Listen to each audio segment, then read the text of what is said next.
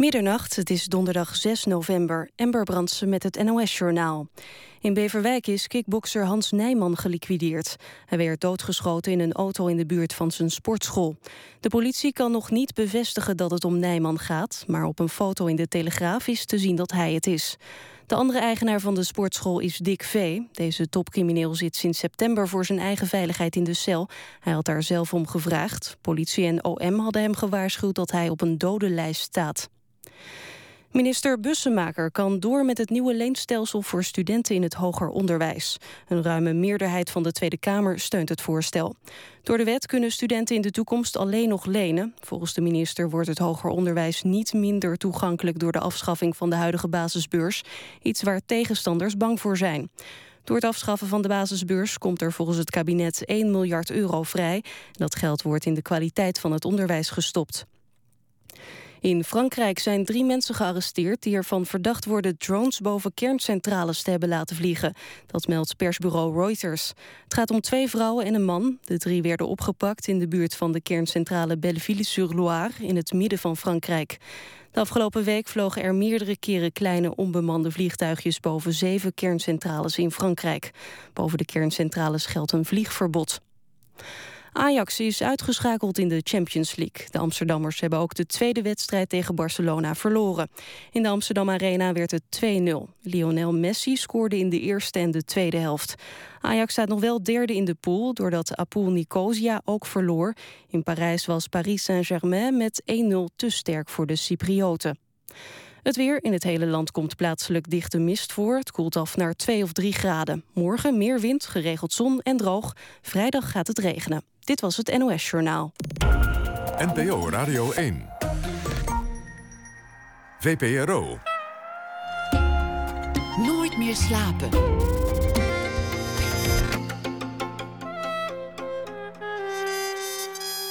Met Pieter van der Wielen. Goedenacht, welkom bij Nooit meer slapen. Over rock'n'roll en radio en over getekende helden en fosfaten zal het gaan vannacht.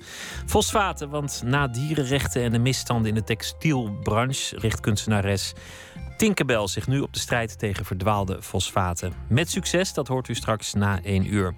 Aandacht ook voor het World Animation Festival, waar cartoonhelden uit alle hoeken van de wereld komen bijpraten. Maar we beginnen met Jaap Boots, decennia lang een fenomeen op radio en televisie, waar hij programma's maakte als Onrust, Nozemse Go-Go en de Screaming Boots Gumbo Show en heel veel andere uh, programma's. De precieze titels die, uh, die haal ik nog wel eens door de war. Het leidde tot uh, ontmoetingen met grootheden. Nick Cave, Bruce Springsteen, Nirvana, de Red Hot Chili Peppers, Willie DeVille. Hij leefde het leven van de radio ten volste en ook dat van de rock and roll. Begin dit jaar kwam aan die radioloopbaan een plots einde door, uh, nou ja, door veranderingen. Boots werd geboren in 1961 in Bergen, Noord-Holland. Is radiomaker, televisiemaker, muzikant en schrijver. Over zijn wilde jaren in de rock'n'roll schreef hij een boek, Donderweg. En dat uh, wordt ook een theatershow. Welkom, ja, Boots. Hallo, Pieter. Je, je leeft voor, voor je vak met, met volledige inzet. Je leeft ook het leven dat erbij hoort. Je, je ontleedt misschien je identiteit eraan. Je, je droomt er s'nachts van. Je, je gaat ermee naar bed, je wordt ermee wakker. Ik kan zo nog een tijdje doorgaan. En dan ineens komt er iemand die, die zegt... ik heb slecht nieuws voor je, het houdt op. Wat dan? Ja, wat dan? Ja, dat is eigenlijk een vraag die... Uh ook in het boek uh, Donderweg uh, op het einde ik mezelf stel... als ik zeg maar op de keien word gezet na een reorganisatie bij de VPRO... waar ik bijna 25 jaar had gewerkt. Um, en dan voer ik mijn alter ego Mr. Lee op. Uh, want ik heb een programma gemaakt dat heette uh, Mr. Lee's Mysterious Washing Machine. Dat was een punkprogramma. En Mr. Lee was, een, uh, was de eigenaar, eigenaar van een wasserette. En hij draaide punkplaten.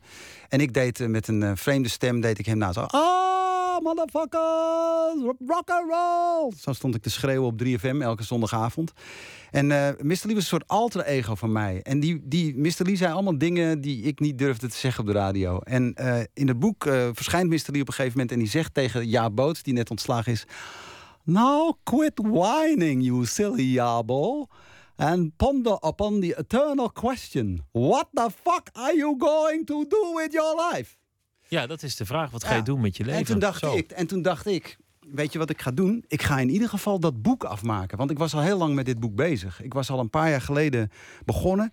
En toen dacht ik, ik ga dat boek afmaken, want nu heb ik ook een eind. Ik had namelijk een begin, dat ik namelijk discjockey werd in uh, dorpje Bergen... waar ik ben geboren en opgegroeid. En dat was het begin, weet je wel, dat je voor de eerste keer discjockey wordt. Je komt in een club en je houdt... Uh, na een paar weken ben je daar gekomen en hou je tegenover de DJ die daar werkt, hou je een singeltje omhoog. Zeg je, hey, heb je die nieuwe van Joe Jackson? Heb je die al? En die jongen zegt, Joe Jackson, heb ik echt nog nooit van gehoord. En de volgende week draait hij dat plaatje en dan zegt hij tegen je, soort jongensdroom die uitkomt. Zeg me, luister, ik stop er binnenkort mee. Heb jij geen zin om mijn werk te gaan doen? En vanaf dat moment was ik dus voor de eerste keer DJ. En ontdekte ik ook wat er dan met je gebeurt. Want dat hield een enorme statusverandering in. Ik was een lulletje rozenwater en het volgende moment was ik een 17-jarige vlotte bink met uh, vriendinnen die kwamen verzoekjes vragen en jongens die vonden mij ineens een toffe gast. En toen dacht ik, oh, werkt het zo? Dat vind ik wel interessant. En daar is het mee begonnen. En ja, dan, dan uh, is het uh, jaren later, als het, als het stopt, dan is, is, dat wel een, is dat wel een enorme. Ik vond het wel een schok. Ik lulde misschien een beetje omheen omdat ik toen ik net hier naartoe reed, we zijn hier in Hilversum op het Mediapark, dat ik voelde me een enorme spanning opkomen. Ik ben hier heel lang niet geweest en ik voelde weer van, oh ja, hier werkte ik. En misschien zijn er nog meer mensen die luisteren die ook ontslagen zijn. Als je terugkomt op dat terrein, waar je hebt gewerkt al die tijd, daar, daar komt er toch een soort knoop in je buik even van. Hmm. Nou, dat, dat is wat ik, wat ik wonderlijk vind in, in, in dit vak. Ik zit in een hele andere hoek. Maar, ja. maar uh, desalniettemin werken bij de radio, werken bij de televisie. Maar eigenlijk in heel veel vakken weet je dat het op een gegeven moment zal gebeuren. Ik bedoel niet eens dat het kan gebeuren, maar het zal gebeuren. Het houdt gewoon een keer op. Moet je geen illusies over maken. Maar de vraag is of je jezelf daarna opnieuw kunt uitvinden, iets nieuws kunt bedenken. Of, of er iets anders op je pad kan komen. Ja, ik, ik, uh, ik dacht, uh, ik, heb er wel, ik heb er ook wel verdriet van gehad. Maar ik moet ook eerlijk zeggen dat die verandering kwam voor mij om te beginnen niet heel onverwacht. Er was al langer sprake van hoe moet dat verder gaan. En op de tweede plaats was het zo dat ik mezelf al niet meer zo heel erg gemakkelijk voelde in het keurslijf van Hilversum. Uh, waar ik dus uh, in de jaren negentig met Lotje IJzermans en Fons Dellen en allerlei andere mensen programma's kon maken. Waarbij we zelf de plaat uitzochten. Naar onze eigen goede smaak. Hè. Onze opvatting toen was een beetje bijna fuck de luisteraar. We doen gewoon zelf wat we willen. Wij lopen driftig toeterend voor die troepen uit. En wij gaan de mensen in het land wel eens even vertellen wat goede muziek is. De Jesus and Mary Chain, Red Hot Chili Peppers, Nirvana. Luisteren jullie hier eens naar. En dat werd eigenlijk steeds meer ingeperkt. En op het eind zat ik op Radio 6 hartstikke lieve mensen omheen. Leuke zendercoördinator, hartstikke aardige man. Leuke eh, jongens die de muziek samenstelden. Maar ik moest dus plaatjes gaan draaien die die jongens hadden uitgezocht. Je mocht niet meer je eigen muziek nee. uitkiezen. Hè? En dat vond ik wel. Dat, en toen dacht, ik, toen dacht ik al bij mezelf: hoe lang ga ik dit leuk vinden? Nou, ik vond het nog best leuk. Maar er zat voor mij weinig uitdaging aan. Dus in die zin kwam het ontslag ook wel een beetje op een goed moment. Zo van: hé, hey, ga jij eens wat anders doen? Het was misschien, het was misschien mooi. Ja, die uitspraak fuck de luisteraar. Dat, dat, dat, die, die is heel vaak buiten de context herhaald. Ja. Iets wat heel ver van mijn uh, bewustzijn of, of van mijn uh, denkwijze zit in een Ja, bepaalde zin. Het was maar het is natuurlijk natuurlijk wel waar. Ik, ik snap wel wat je bedoelt. Dat ehm, de kunst van, van muziekradio maken is dat je voor de, de menigte uitloopt. En, en heel veel managers en andere types die lopen achter de menigte aan. Nou, kijk, die fuck de luisteraar uitspraak is natuurlijk, die is volgens mij geloof ik van Fons geweest, Fons Dellen. Maar die, dat was natuurlijk een, een hyperbool om aan te geven. Wij, wij maken dat als DJ's uit. Wij gaan niet onze oren laten hangen naar de smaak van het grote publiek. Want dan draaien wij de hele tijd Jan Smit. Dat, dat wil je niet. En dat is het ene uiterste is om te zeggen van nou, ik heb er echt helemaal niks mee te maken. En het andere uiterste is, is dat, je, eh, eh, dat je je helemaal je oren laat hangen naar de smaak van het publiek. En ergens daartussenin, daar bevindt zich natuurlijk dat interessante speelvlak. Daar gaat het boek ook over. Daar gaan we het straks over hebben. Dat, dat bands die later stadion-acts eh, zouden worden. Of het nog gaat over eh, Red Hot Chili Peppers of, of Nirvana of Rage Against the Machine. Bands die later gigantisch zouden worden, kwamen als beginnende groep met hun eigen instrumenten zeulend in een busje meurend naar bier in Ja. die studio. Ja, En- ik en was dat- daar overigens niet altijd bij hoor. Nirvana bijvoorbeeld is aan mij voorbij gegaan. Dat heeft Lotje volgens mij geklaard. En de Red Hot Chili Peppers ook. Maar ik heb het wel vaak meegemaakt dat je, zo'n, dat je bijvoorbeeld een beginnend band, zo'n band als Oasis bijvoorbeeld. Toen wij die singeltjes uit Engeland kregen, waren we laaiend enthousiast. Wij gingen dat als eerste op 3FM draaien. Maar de, de, de die hadden echt zoiets van: wat is dat voor stofzuigerrock? Weet je wel? En dan als het dan later groot is geworden, of als er zogenaamd een grote platenmaatschappij aan gaat hangen, dan wordt het ineens interessant gevonden. En ik vind dus dat er ook een omroep moet zijn, zoals de VPRO jarenlang doet en heeft gedaan. Die zegt: hé, hey, wij plukken, die beginnende, die beginnende bandjes moeten toch ook een podium hebben? Die moeten ergens beginnen. Nou, en dat kan dan bij zo'n omroep als de VPRO. Ik vind trouwens wel dat er ook, uh, weet je, je ziet het in dat bijvoorbeeld dat programma van Giel Belen op televisie met die singer-songwriters. Die mensen krijgen ook een podium. Die hadden anders jarenlang lopen ploeteren in allerlei buurthuizen. En die krijgen nu een kans. Je kan zeggen van het programma wat je wil, maar dat gebeurt wel. En dat idem dito voor de één minuut bij de wereld draait door. Ja, en ik heb nog nooit een zendercoördinator ontmoet. Ik werk al 15 jaar bij de radio. Ik heb er nog nooit één de hand geschud. Je grote mazzel. Ja, dus, dus in die zin heb ik in ieder geval geen last van ze. En ik, had, ik bedoel, ik had die afspraak best kunnen krijgen als ik, als ik om had gevraagd. Hoor, Maar het is nooit nodig geweest. Ehm, ik zie jou toch niet, want, want nou ja, we hebben het over opnieuw beginnen. Je hebt je, hebt je boek geschreven, een theatershow, dus je, je, gaat voort. Een baan op de gemeentelijke administratie om uh, vergunningen te controleren. Ik zie het je niet doen.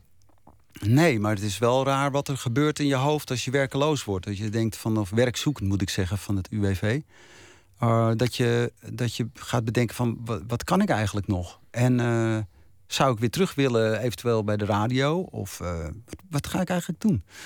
En daar ben ik eigenlijk nog niet uit. Ik, heb, ik zal je vertellen, ik heb gesolliciteerd op de gekste banen. Zelfs om voorlichter te worden bij Anne Frank. En en soms solliciteer ik ook op andere eh, werk. Maar ik, ik weet het nog niet. Maar wat ik wel weet is dat, uh, dat ik nu dat dat boek er is.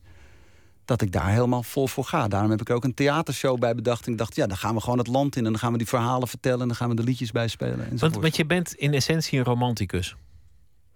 Ja, ik denk dat, je, ik, denk dat ik dat volmondig kan beamen. Ja. Ik zou willen dat ik, uh, dat ik zeg maar minder meer David Byrne in me had dan Nick Cave. Maar ik ben eigenlijk toch een beetje van de romantische school. Ja, dat boek is ook heel romantisch, toch? Absoluut. Het, het boek is romantisch, je verhaal is romantisch, maar je levensopvatting is ook uit en te na romantisch. Het, het is rock'n'roll in. Nou ja, hoe, hoe je rock'n'roll moet definiëren is altijd moeilijk. Hoe, hoe zou jij dat? Je doet een paar pogingen die ik allemaal wel leuk vind. Nou, ergens in een van de verhalen schrijf ik uh, dat rock'n'roll je innerlijke verlichting aanzet. Het is in het verhaal over de Black Crows. En dat vind ik altijd wel een goede. En verder is, uh, is rock and roll is, weet je, het zit al in het woord, hè? Het is letterlijk rocken en rollen. Dat zijn bewegingen. Het, het beroertje. Anders dan bijvoorbeeld uh, de klassieke muziek kan je natuurlijk ook beroeren. Maar daarbij blijf je over het algemeen blijf je in je stoel zitten. Of word je geacht in je stoel te blijven zitten. Rock and roll is natuurlijk en popmuziek is over het algemeen muziek die bedoeld is om je uit je stoel te krijgen. Om iets te gaan doen. Om te gaan swingen. Of om met de meubilair te gaan gooien. Of uh, je vuist in de lucht te pompen. Maar of met eigenlijk om, om je tegen je vader af te zetten. Of tegen je geboorteplaats. En om te maken dat je wegkomt. Dat, is, dat kan ook een effect zijn van rock and roll, weet je wel. En in ieder geval de rock and roll waar ik, waar ik van hield in, in mijn jonge jaren, dat was uh, en, en toen de eerste keer dat ik echt geraakt werd door rock and roll. Ik had natuurlijk wel rock and roll gehoord. Hè. Er was een, een, lokale band in mijn dorp. Ik had uh, wel eens een optreden van Herman Brood gezien. Ik had Kansas gezien, die, die, die, die Symfo rockband. Ik had zelfs Status Quo gezien in de Edehal. Maar geen van die bands wekte in mij een soort verlangen op om iets meer van mijn leven te maken. En de eerste bij wie dat gebeurde, dat was Bruce Springsteen. Toen ik, toen ik Springsteen hoorde, uh, eigenlijk zag eerst, want ik zag eerst foto's van hem in, uh, in een muziekblad, Oor destijds. En toen dacht ik, die foto's van die man met die grote, gretige ogen, die keek alsof hij het leven wilde opvreten, weet je wel. Ik dacht echt, wat, wat is dat voor gozer? Wat ziet die gasten cool uit? En het was niet eens zo van zo wil ik zijn, maar ik dacht dat ik zag meteen dat dat is een held. Die, die muziek kan gewoon niet slecht zijn. Dus toen ben ik uh, op zoek gegaan. En het leuke was natuurlijk, niemand in mijn dorp had ooit gehoord van Bruce Springsteen in 1976. Dus het was ook mijn geheime liefde, mijn geheime grote broer. Die mij van aan de overkant van de oceaan allemaal dingen influisterde. Van jongen, it's a town full of losers. But I'm pulling out of here to win. Je hebt ook een, uh, met je gitaar een, een scène in het theaterprogramma waarin je dat verhaal vertelt. Ja. Hoe Bruce Springsteen jou eh, jouw leven een, een, een zwengel geeft. Zoals hij dat bij miljoenen mensen over de hele wereld moeten hebben gedaan, denk ik. Ja, dat is natuurlijk ook zo maf, hè? Ja. Je, je denkt dus dat je alleen daarin bent, maar dat heeft hij dus voor honderdduizenden mensen betekend. Er is een documentaire die heet Springsteen en I. En er zitten allemaal van die idioten zoals ik te huilen bij Springsteen. Prachtige documentaire, ja, toch? heel mooi. Heel dat mooi. dan eigenlijk wordt het een soort messias. Ik denk dat hij dat ook voor veel mensen is. En dat eh, Clarence Clemens, de saxofonist uit zijn band, die heeft ook gezegd toen hij hem voor de eerste keer tegenkwam: It was like following Jesus. En als je Bruce Springsteen ziet optreden, dan zie je ook dat is een rock and roll dominee. Hij dwingt je, hij dwingt die liefde en die saamhorigheid in dat stadion af. Hij wil je allemaal bij elkaar krijgen, maar het is natuurlijk wel ten meerdere eer en glorie uiteindelijk van meneer Springsteen zelf. Die, eh, die de hele straat, staat New Jersey zou kunnen kopen als hij dat zou willen inmiddels. Ja, Je hoeft er niet ja. meer weg. Hij kan het gewoon. Ja, je, dat je hebt hem, ja, je hebt ja. hem één keer ontmoet Ja, op de Albert Kuipmarkt. zal ik dat gewoon eens zingen? Ja, is dat nou je- niet kan je leuk? dat, kan je dat zingen? Ja, dat kan ik zingen, ja. Wacht, ik, ik moet eigenlijk een mond... Ik doe het zonder mondharmonica, want die ligt anders weer zo ver weg. Dat duurt wel lang. Daar gaat hij. Ik kwam Bruce Springsteen tegen. Op de Albert Kuip. Hij liep door de regen. Een stukje voor me uit. Hij was korter en breder dan ik had verwacht. Maar ik zag meteen dat hij het was, daar bij de haringkar. Mhm. Bruce was ooit mijn vader, nee, Bruce was mijn grote broer. Hij hield me overeind in die tijd van geouwe hoer. Over disco, seks en brommers en voetbal, Duitse toets. Bruce was toen iets hogers, want Bruce was toen nog goed. Mhm. Dus ik tikte hem op zijn schouder en ik zei: Hey Bruce, how do you do? Hij keek me aan alsof hij zeggen wou: Hey man, do I know you? Ik zei: Hey Bruce man, I was your biggest fan. I learned so much from you when I was young. Hij zei: Is that so? Well, what's your favorite song? En ik zei: Thunder Road natuurlijk. En ik zong een paar regels voor. En Bruce zong met me mee. Met een grijns van oor tot oor. Screen door slams. Mary's dress waves. Like a vision, she dances across the porch as the radio plays. Roy Orbison singing for the lonely. Hey, that's me, and I want you only. Don't turn me home again. I just can't face myself alone again. Hier zit die mondharmonica solo, hè? Oh Ah, die denken we erbij.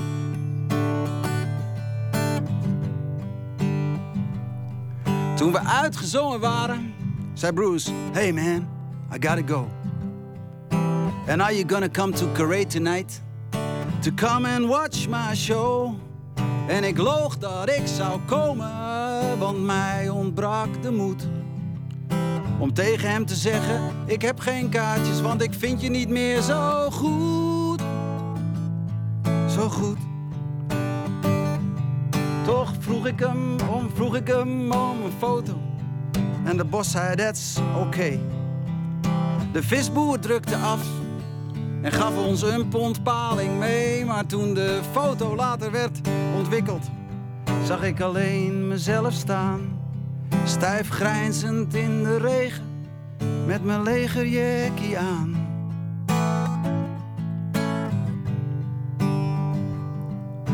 Bruce is nergens te bekennen.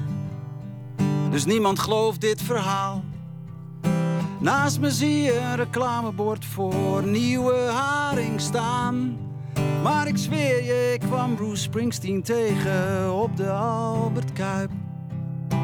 Hij liep door de regen, een stukje voor me uit.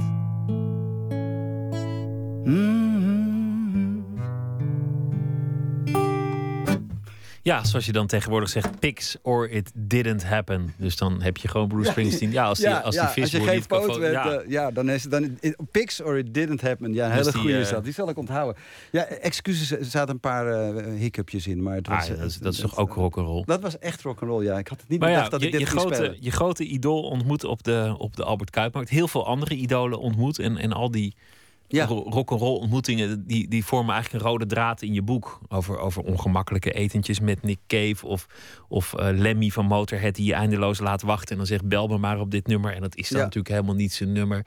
Mhm. Of eh, nou ja, bandjes die naar de studio komen met een onvoorstelbare kater. En, en Ja. eigenlijk zijn ontmoetingen met je idolen, bedacht ik me nog helemaal niet zo leuk. Ja, dat is dus, eh, dat is dus de- het cliché. Dat ontmoetingen met je idolen niet zo leuk zijn. Maar eigenlijk zijn, in mijn geval, zijn ze bijna nooit van hun voetstuk gevallen. Ik heb eh, een paar hele grote helden van mij ontmoet. En ik vond het eigenlijk altijd wel interessante mensen. Er zijn maar een paar mensen waarvan ik. Er zijn wel mensen door het ijs gezakt, maar dat waren bijna nooit idolen van me. Dus misschien zit er ook een soort wisselwerking dat je niet wil. Of dat het bijna niet kan gebeuren dat als je Tom Waits ontmoet, dat hij door het ijs zakt. Maar ehm, nee, ik, eh, ik, ik vind het eigenlijk altijd wel heel verhelderend om mijn helden tegen te komen. Zelfs als ze niet zo aardig tegen waren. Bijvoorbeeld Nick Cave. Heb ik, dat was een van de eerste, nou dat was de eerste grote rock'n'roll held die ik interviewde. En eh, dat was ook, ik dacht meteen eh, toen ik studeerde, ik dacht ik wil rockjournalist worden. Wie ga ik interviewen? Nick Cave, dat was mijn grote held op dat moment. En voordat ik het wist, zat ik in Vredeburg tegenover Nick Cave. En, en kreeg ik dat artikel gepubliceerd in Vrij Nederland. Dus een, een soort jongensdroom. Maar Nick Cave was eigenlijk best wel vervelend tijdens dit interview. Hij, hij, eh, hij schraapte de hele tijd met zo'n stoel. Die trok hij met zijn voet over de vloer. En dan duwde hij hem weer van zich af tijdens het interview. En hij, hij, hij, hij speelde met mij zoals een kat met een muis. Maar dat is ook wel begrijpelijk, want, want die mensen zijn op tournee en die zien in ieder land, in iedere stad, zien ze weer tien nieuwe journalisten die waarschijnlijk allemaal min of meer dezelfde vraag stellen. Ja. En het zijn vluchtige ontmoetingen, dus Ja. ik, ik kan me dat wel voorstellen. Maar ik vond, ik vond dus achteraf viel hij niet van een voetstuk. Maar dacht, ja, zo, zo is Nick Cave. Hij voldeed helemaal aan het plaatje. Hij, hij heeft ook een, een, een beruchte interviews gegeven waarin, waarin hij op allerlei manieren probeert inderdaad de interviewer te foppen. Ja. De, de is dat hij uitstapt uit die taxi in, in Londen. Als iemand hem heeft gevraagd of hij paranoïde is. En dan zegt hij dat, dat doe je alleen maar omdat je ook in het complot zit. Ja, dat is met uit. Bram van Splunteren. Mijn, Ja. mijn grote leermeester die hem voor onrust destijds filmde. Ja, ja precies. Legendarische televisie. Ja, was een hele mooie tv, ja. Zullen we anders gewoon gaan luisteren naar eh, eh, Nick Cave? Want eh, onze, Ja. onze muzieksamensteller eh, Lotje IJzermans, je noemde haar Die is al. ook fan. En ze komt in het boek voor, hè? Het komt voor. En, en eh, ehm, zoals uit het boek ook blijkt, kent Nick Cave eh, goed persoonlijk. We gaan luisteren naar eh, People Ain't No Good van Nick Cave en The Bad Seeds. Do you know people ain't no good? People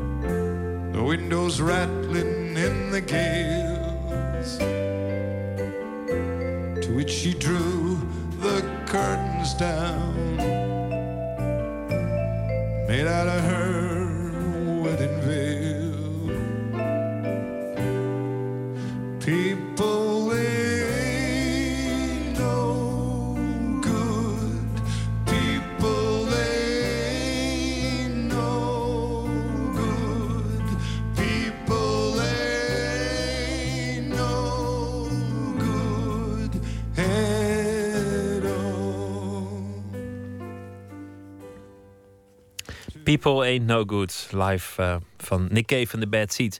Nooit meer slapen in gesprek met eh, Jaap Boots. eh, naar aanleiding van zijn boek Donderweg, de theatershow en een lang radioverleden. Hoe ver die liefde voor de rock'n'roll gaat, dat blijkt eigenlijk uit één anekdote die erin zit. Het is 1984 en jouw geliefde pleegt zelfmoord.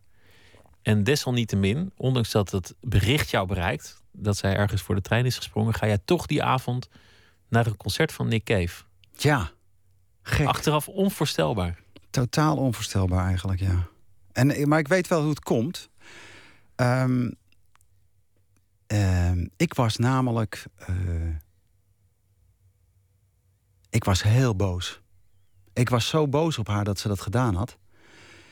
En er ontstond een soort woede en een soort verbeten wil tot doorleven in mij. Heel snel. Zo van, ik ga me hier niet mijn leven door laten verpesten. En ik heb besloten om vanavond naar Nick Cave te gaan. En ik zou met haar gaan, maar ik ga, dan ga ik gewoon eh, met iemand anders. Ik ga gewoon. En het was eigenlijk een bizarre beslissing. En ik, het was ook een hele emotioneel concert daardoor voor mij. En ehm, het, was, ja, het was natuurlijk eigenlijk apenkool. Volslagen maf. Maar het, het kwam voort, denk ik, uit... Ja, ik was 23. Ik was in de, in de, ja, in de bloei van mijn, van mijn jonge leven. En ik was net in Amsterdam. Ik zat in de kraakscene. En ik had zoiets van... Fuck, die kan ik echt helemaal niet. Ben je helemaal besodend niet het om mijn leven zo overhoop te gooien? Kutwijf, ik ga gewoon. En, en na- ik heb daar heel lang mee geworsteld. Ook, ook met het feit dat ik gegaan was, natuurlijk. Want Maar ja, naderhand, het is- het is naderhand, kwam, ja, naderhand kwamen allemaal schuldgevoelens natuurlijk over, Ja. over, over los. En ja, die, die, die, die zelfmoord, eh, dat is, eh, dat is... Nou ja, anders staat het natuurlijk ook niet in het boek. Dat houdt mij tot op de dag van vandaag bijna bezig. Maar ja, in die eerste uren, dagen, is, is het natuurlijk een redelijk abstract bericht. Je krijgt te horen dat iemand zelfmoord heeft gepleegd. Dat, dat nieuws moet indalen. En waarschijnlijk zit je ook in een, in een half besef van, van wat het feitelijk betekent. Ja, je bent in shock. Ik heb die begrafenis ook totaal niet bewust meegemaakt. Ik heb daar ook niks, niks gezegd, waar ik achteraf enorm veel spijt van had. Maar zij was, zij was jouw geliefde op Zij dat was mijn moment. geliefde op dat moment, ja. ja en, eh, en het maf is natuurlijk dat daardoor die muziek van Nick Cave... dat beschrijf ik ook in het boek... die heeft zich vanaf dat moment natuurlijk helemaal ingevreten. Dat als, als je een romantische jongen bent... Hè, Edgar Allan Poe, die schreef het al, weet je wel...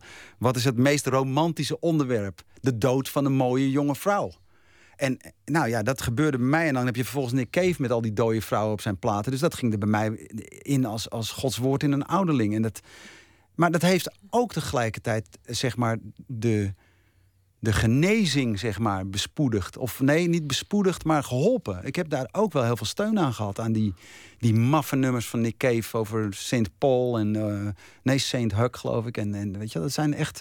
En ook de Boatman's Call met die hele, die hele mooie gedragen nu- nu- nummers. Eh, en dat heeft, eh, ja, dat heeft zich vanaf dat moment wel ingevreten. Wat jij zegt, kutwijf, dat is natuurlijk in zekere zin ook zo. Ik bedoel, tegenover iemand met wie je een relatie hebt, is het ook wel een Nou, het is verraad om, om, om het is niet alleen verraad, het is natuurlijk een hele agressieve daad eigenlijk. Weet je wel, maar eh, zonder al te veel te willen uit, uitweiden nog over, over die zelfmoord van, van, van, eh, van mijn vriendin destijds. Het is, eh, het is ik heb het ook gemerkt bij andere mensen die ermee te maken hebben gehad. Het is natuurlijk heel vaak zo dat mensen bij zelfmoord. je weet eigenlijk helemaal niet hoe je je moet voelen. Je bent boos, maar dat mag eigenlijk niet. Je kan toch moeilijk tegen de familie zeggen van je vriendin: van wat een takkenwijf dat ze dat geflikt heeft. Weet je, later komt dat boven en later kan je daar. Maar in het begin word je natuurlijk vooral geacht om heel verdrietig te zijn en te zeggen dat het allemaal heel zielig was.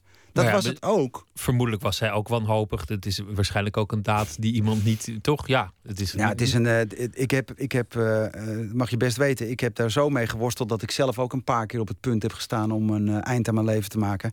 En op het moment dat ik zo wanhopig was, toen dacht ik, zo voelde zij zich, maar nog wanhopiger, want ik doe het niet. En zij deed het wel. En dan, dan bereik je het begrip wat je daarvoor nodig hebt. Je en- schrijft... en- je- ja. ja. Nee, vertel.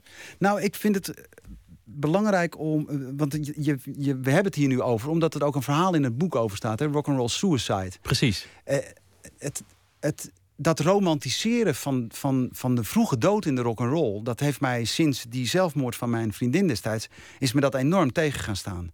Ik heb echt zoiets van.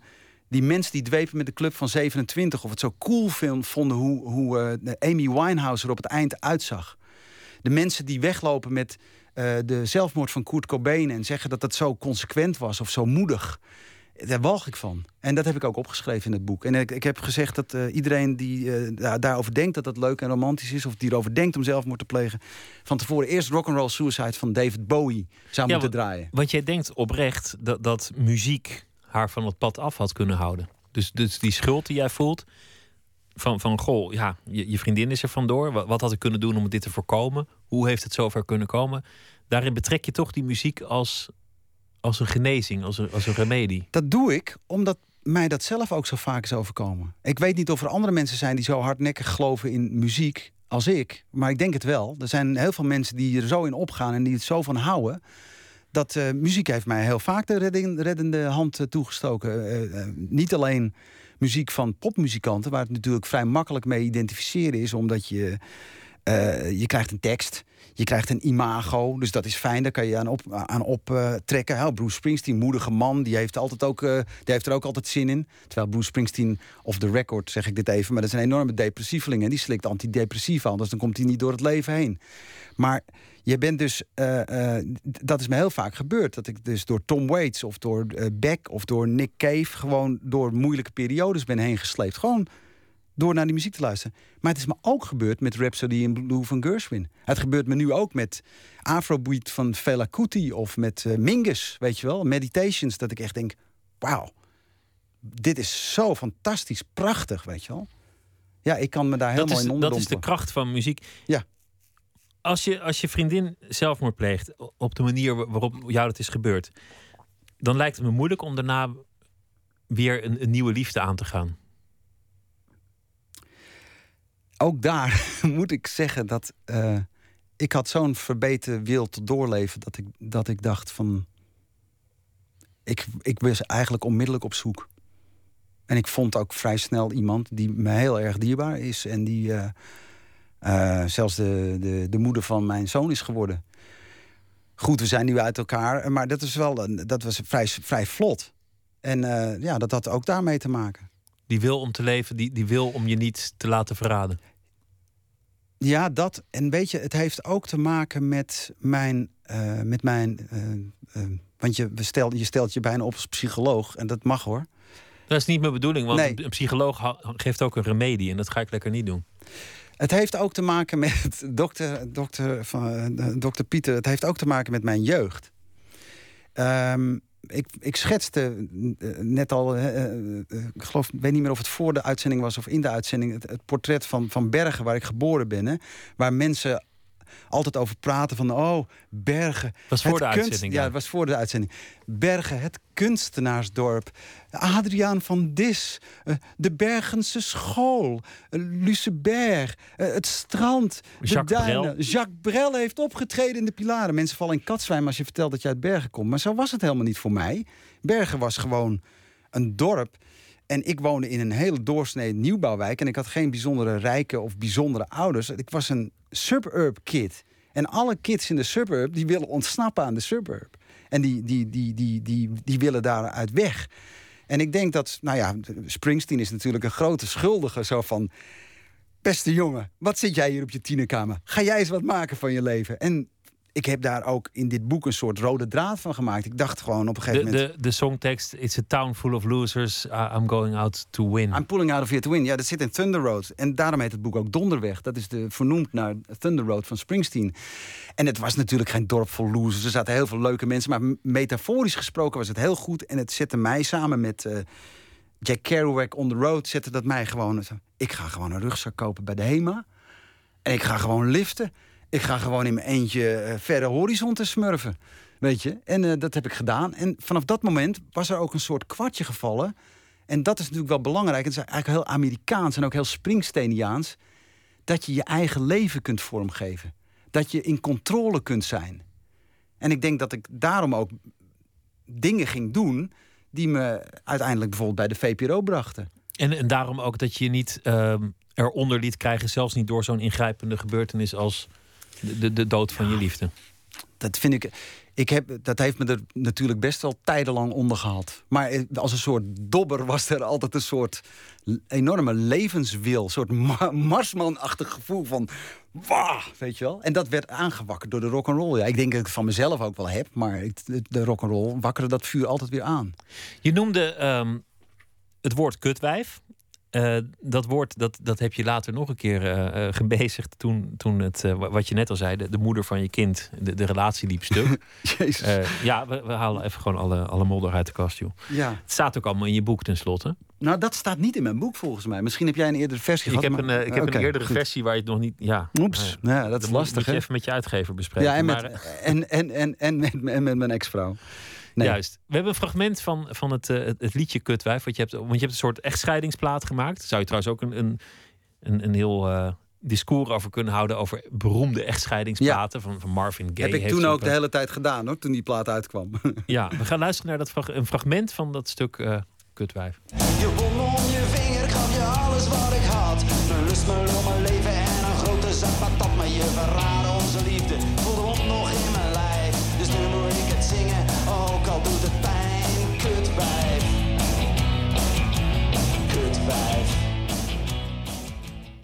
De boze fase is dit, hè? Nou, het is een hele lieve en mooie plaat. En mijn ex-vrouw die vond hem ook heel mooi en ontroerend. Meen je niet? Ja, dat meen ik wel. Zij vond hem heel mooi en ontroerend. Ze heeft zelfs het eerste exemplaar in ontvangst genomen. En ze zei tegen mij, en dat bewijst dat zij een verstandige vrouw is... dat, uh, dat zelfs het nummer Kutwijf, dat ze zich dat uh, kon voorstellen. Ze was er niet blij mee, maar ze snapte het wel. En uh, ik dacht toen die plaat bijna af was, dacht ik, er moet, wat is dit? De, de, deze plaat is eigenlijk heel smooth, heel gebroken hart. Het was allemaal zielig. Maar ik ben ook boos. En toen heb ik Kutwijf geschreven. Want zij, zij kwam iemand anders tegen. Kan gebeuren, toch? Ik bedoel, je wordt verliefd op iemand anders. Uh, ja, dat, ja, kan ja, gebeuren. Kan gebeuren, toch? Ja. ja. En, uh, en, en dan blijf jij achter, ja. Ja. En dan, dan ben je flink naar de, naar de Galamiezen. Ja, ik was daar wel een tijdje van naar de Galamiezen, ja. Maar ik heb... en dat was ook de reden dat ik die plaat maakte. Want ik kon eigenlijk geen andere nummers schrijven op dat moment. Dat vind ik interessant, want, want je beschrijft de hele tijd hoe andermans muziek je er doorheen helpt. Maar in dit geval moest je de muziek zelf maken. Ja, maar ik maakte natuurlijk al heel erg lang muziek. Hè. Ik, bedoel, ik ben uh, nog steeds een amateur. Maar ik begon al op mijn, op mijn zeventiende of zo op een gitaar te harken. En liedjes te maken en zo. Dus dat is altijd een soort constant in mijn leven geweest. En ook toen ik DJ was, ging dat altijd door. Dat gaat tot op de dag van vandaag door. En uh, dat is, was er eigenlijk eerder dan mijn DJ-carrière. Dus liedjes maken is voor mij een soort tweede natuur. Als je zou willen, kan ik nu een liedje maken over de uitzending. No problemo. Ga het niet doen hoor, maar het zou kunnen. Um, dus ja, maar het had natuurlijk ook te maken dat ik, uh, dat ik zelf muziek maakte. Werd natuurlijk ook weer aangewakkerd door al die rock and roll helden waar ik de hele tijd door omringd werd en die ik zelf zag. Ik wilde natuurlijk zo zijn. Ik was wel DJ, maar ik wilde natuurlijk eigenlijk Bruce Springsteen zijn. Op een gegeven moment zit in het boek ook een, een, een, een, hoofdstuk dat ik afscheid neem van het uh, clubprogramma Club 3 voor 12, wat ik heel lang heb gepresenteerd. En toen had ik voor mezelf gewoon bedacht, we gaan een mooie afscheidsuitzending maken.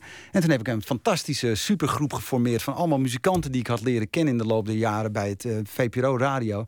En die, die hebben allemaal nummers, allemaal covers gespeeld. En ik ging ook één cover zingen. En dat was natuurlijk Born to Run van Springsteen. Ja, dat was geweldig.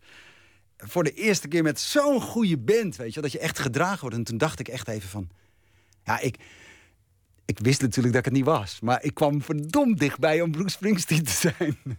Nee, maar dat, dat is volgens mij ook de kracht van rock'n'roll. Je ziet iemand die zijn dromen heeft waargemaakt op een podium staan. En, en dat Ja. wat ook jouw eigen droom is, als het diegene daar is gelukt, dan zal het jou misschien ook lukken. Dat is volgens mij de, de inspirerende werking van de rock'n'roll. Ja, En het verlangen, wat ik bij jou in, in elke derde regel terugvind, om, om groots en meeslepend te leven.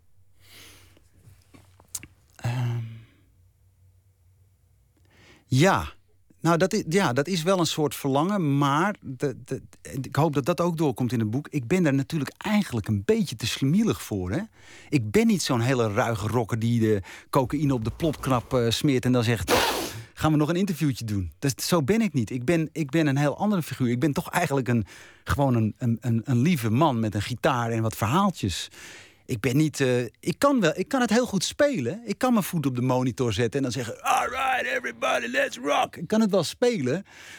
Maar die van binnen ben ik natuurlijk iemand anders. Maar ja, hey, eh, then again, alle grote rockers spelen natuurlijk. Het is natuurlijk een act. Nou ja, misschien bestaat het wel niet. Misschien is geen enkel leven. Ja, het ene leven is groter en meeslepender dan het andere. Maar uiteindelijk heeft, heeft ieder leven zijn stront, dat zijn was, voor, ja, saaiheid. dat was voor mij ook een eye-opener. Toen ik bijvoorbeeld eh, eh, over Springsteen in de biografie, eh, zijn meest recente biografie las. Springsteen, jarenlang worstelend met zware depressies. Gewoon niet uit te komen. En het enige wat hem hielp was optreden, optreden. En dan niet één uur lang, twee uur lang, nee, vier uur lang. En pas dan voelde hij zich oké. Band was helemaal kapot gespeeld. Nou, dan heb je een zware depressie. En toen ontdekte hij de antidepressiva. En toen werd hij me toch ineens eh, productief, zegt die Springsteen. En werd hij blij. En hij zei in interviews ook: Ik wou dat ik dit spul eerder had ontdekt. Weet je wel? Dus al die, al die helden. eh, Tom Waits, Nick Cave. Nick Cave is net een mooie film over verschenen. de bioscoop. Twen- 20.000 Days on Earth. Moet je gaan zien. Fantastische film. Ook bij Nick Cave zie je. Het, hij weet dat zelf ook natuurlijk. Ik ben een rock'n'roll icoon. Maar ik ben ook gewoon iemand die ochtends uit bed kruipt met een beetje uitgezakt lijf en dunne armpjes... en met een heroïneverslaving en een paar ex-vrouwen... en een hoop problemen en shit, weet je wel. We're all human. Het is nog veel erger geworden sinds het bestaan van Twitter, waar sommige rocksterren zich ook op wagen. Want, want ik weet niet of je wel eens gelezen hebt hoe Slash op zoek gaat naar een ventilator voor de kinderkamer. Nee, Maar dan is je, je rock'n'roll beeld van Slash, weet je wel, die, Ja, die langharige gitarist. van de Guns N' Roses, ja. Met, met een peuk in zijn mond. Nou, je had het idee dat die leidt een wild leven. Maar ja, maar dat is 36 natuurlijk- ja, tweets over één ventilator en je bent wel klaar met de man. Ja, nou, maar dat is eh, natuurlijk de, de rock'n'roll mythe. Er zijn maar heel weinig eh, nou, mensen die, die, het, eh, die het zo goed weten af te schermen... dat iedereen nog steeds gelooft dat het zo is. Weet je wie er bijvoorbeeld heel goed in is? Ehm, Lenny Kravitz. Die, die heeft met die zonnebril, blijft, dat blijft altijd toch een hele coole gast. Terwijl Lenny Kravitz natuurlijk ook af en toe diarree heeft. Dat weten we. Dat is feitelijk. Dat is gewoon zo. Alleen, hij twittert er niet over. Hij zegt er niets over. This is his image. En dat komt naar buiten. En daar heb je natuurlijk ook managers voor en zo. Heb ik allemaal niet, dus krijg je dat. En ik ben, Ja. ook, ik ben ook veel te eerlijk voor. Dat, dat eh, lijkt me. Laten we gaan luisteren naar Tom Waits. Want dat is eh, Ja. echt een, een grote, grote held. En die heb je ook ontmoet. We gaan luisteren naar Way Down in the Hole.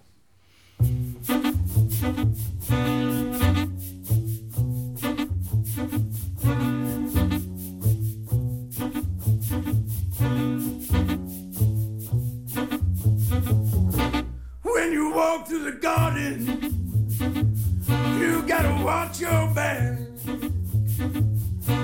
Well, I beg your pardon. Walk the straight and narrow track. If you walk with Jesus, He's gonna save your soul. You gotta keep the devil way down in the hole. He's got the fire and the fury at his command. Where you don't have to worry if you hold on to Jesus' hand. We'll all be safe from Satan when the thunder rolls. We just gotta keep the devil way down in the hole.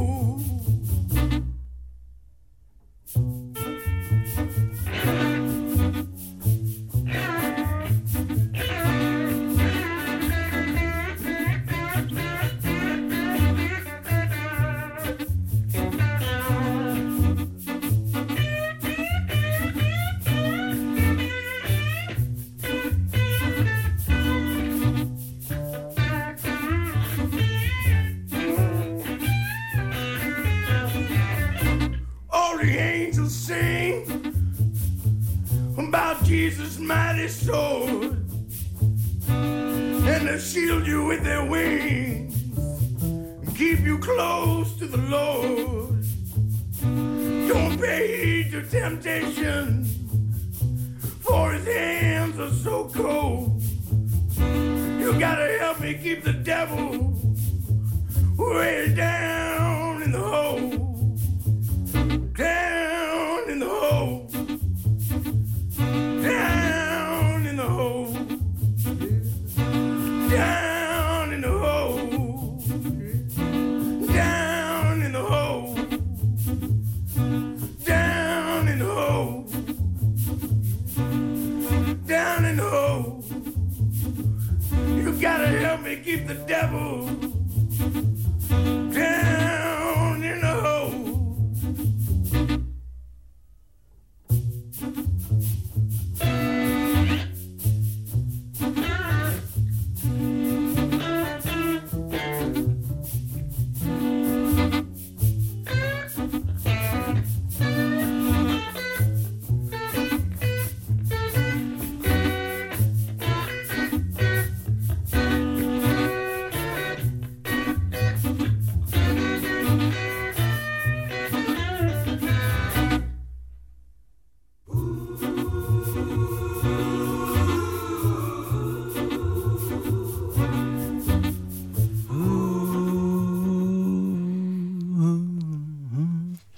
Tom Waits, Way Down in the Hole. En Jaap Boots die, eh, die zijn enthousiasme niet onder stoelen of banken steekt. Je, dit is een grote held van jou. Je hebt hem ook ontmoet. Ja. Hoe, hoe ging dat? Nou, de, korte, de lange versie staat in het boek. De korte versie is dat ik. eh, ehm, je, we hadden het net over, over, mijn, over mijn, mijn, mijn mindere periodes. Het was een mindere periode in mijn leven. Ik liep alleen met mijn zoontje over het strand in Noord- Normandië. En toen ging ineens de telefoon. Eh, het was al in het tijdperk van de mobiele telefoons. En eh, was, eh, was mijn baas. En die zei: Hey, wil jij Tom Waits interviewen? Nou, ik, die verregende vakantie was in één klap helemaal goed gemaakt.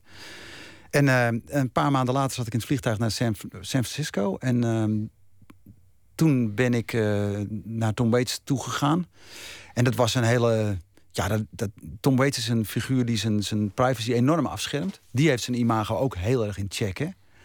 En eh, die, eh, daar moest ik dan eerst in een auto en dan werd ik weer in een hotel moest ik wachten. En dan werd ik weer opgehaald door een iemand. En die reden dan weer allemaal enorme lange bochten. En uiteindelijk zat ik tegenover hem. En eh, ja, ik was, ik ben, weet je, ik ben van heel veel mensen groot fan. Dus bij mij zijn de grote vijf zijn Nick Cave, eh, Hank Williams, Bruce Springsteen, Beck en, en, en, en Tom Waits. En Tom Waits, ja, daar zat ik ineens tegenover hem. En dat was dus weer zo'n fantastisch voorbeeld van iemand die in het echt niet tegenvalt.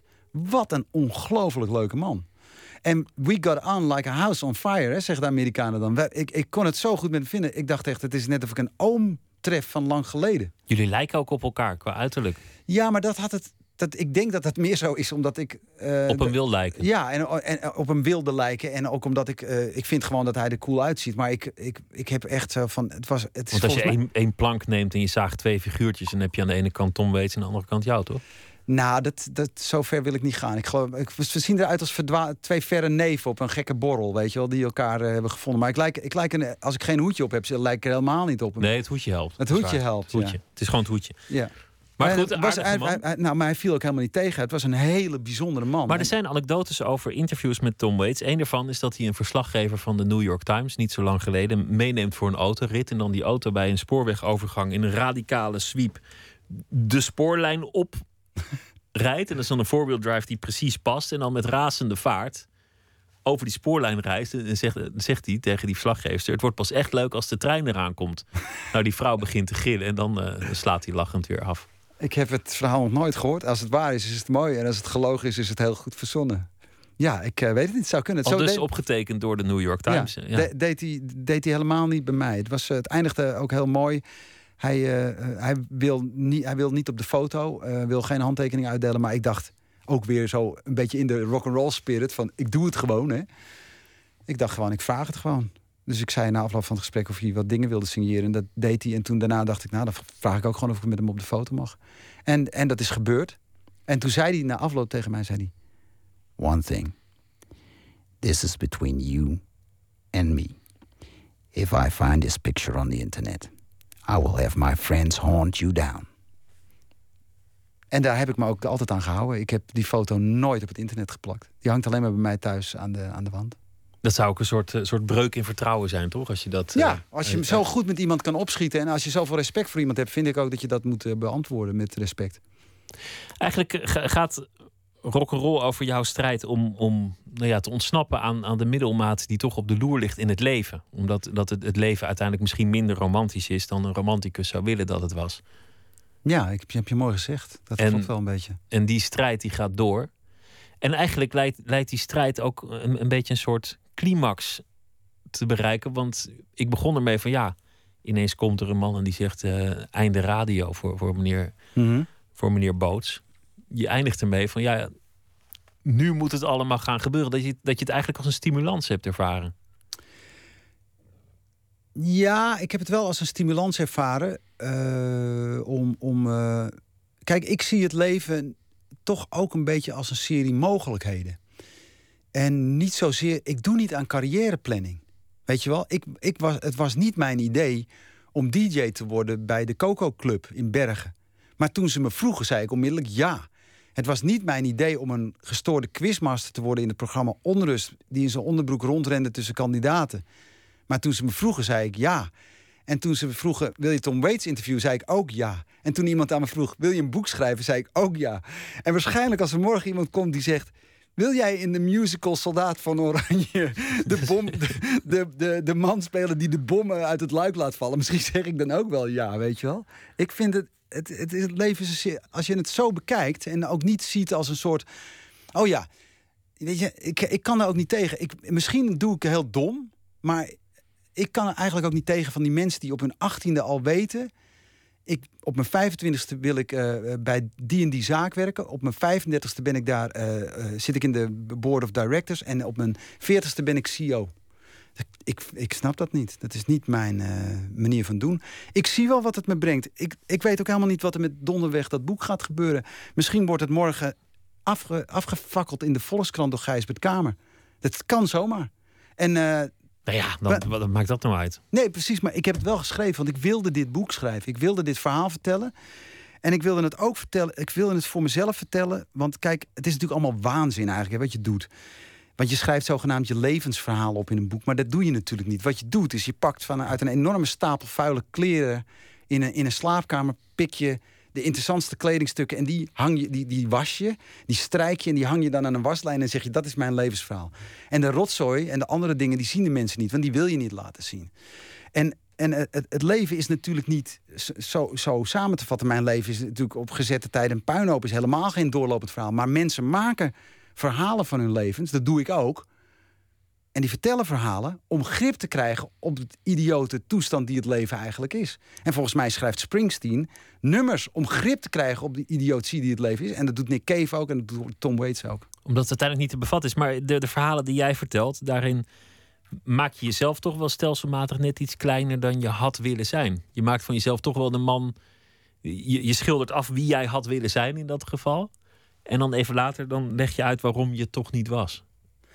Ja, ik, ik, denk dat het, ik denk dat het iets heel Nederlands is. Ik denk ook dat het is natuurlijk ook een verhaaltechniek is. Kijk, als dit een opschepperig boek zou zijn geworden over wie ik allemaal wel niet had ontmoet. En hoe fantastisch ik met al die mensen kon opschieten. En hoe geweldig ik altijd mijn radioprogramma's presenteerde. En dat ik nooit fouten maakte. Nee, dat ik de allerbeste DJ was die 3FM ooit heeft gekend. Dan zou het een rete saai boek zijn geweest. En dan zou, sterker nog, dan zouden heel veel mensen zich er walgend van afkeren. En dat zou het ook geen humor bevatten. Nee, Dat- en dat, ja, Maar toch is het ook een, ook een beetje waar. Want, want ja, ergens, je zei het volgens mij ook eh, terloops ergens van... Ik zou willen dat ik al die jaren wat minder bescheten was geweest dan ik feitelijk was. Nou, ik zei net toen de muziek liep van Tom Waits, toen zei ik tegen jou: eh, ik zou willen dat ik het zelfvertrouwen had gehad wat ik nu heb om dingen te doen toen ik 25 was.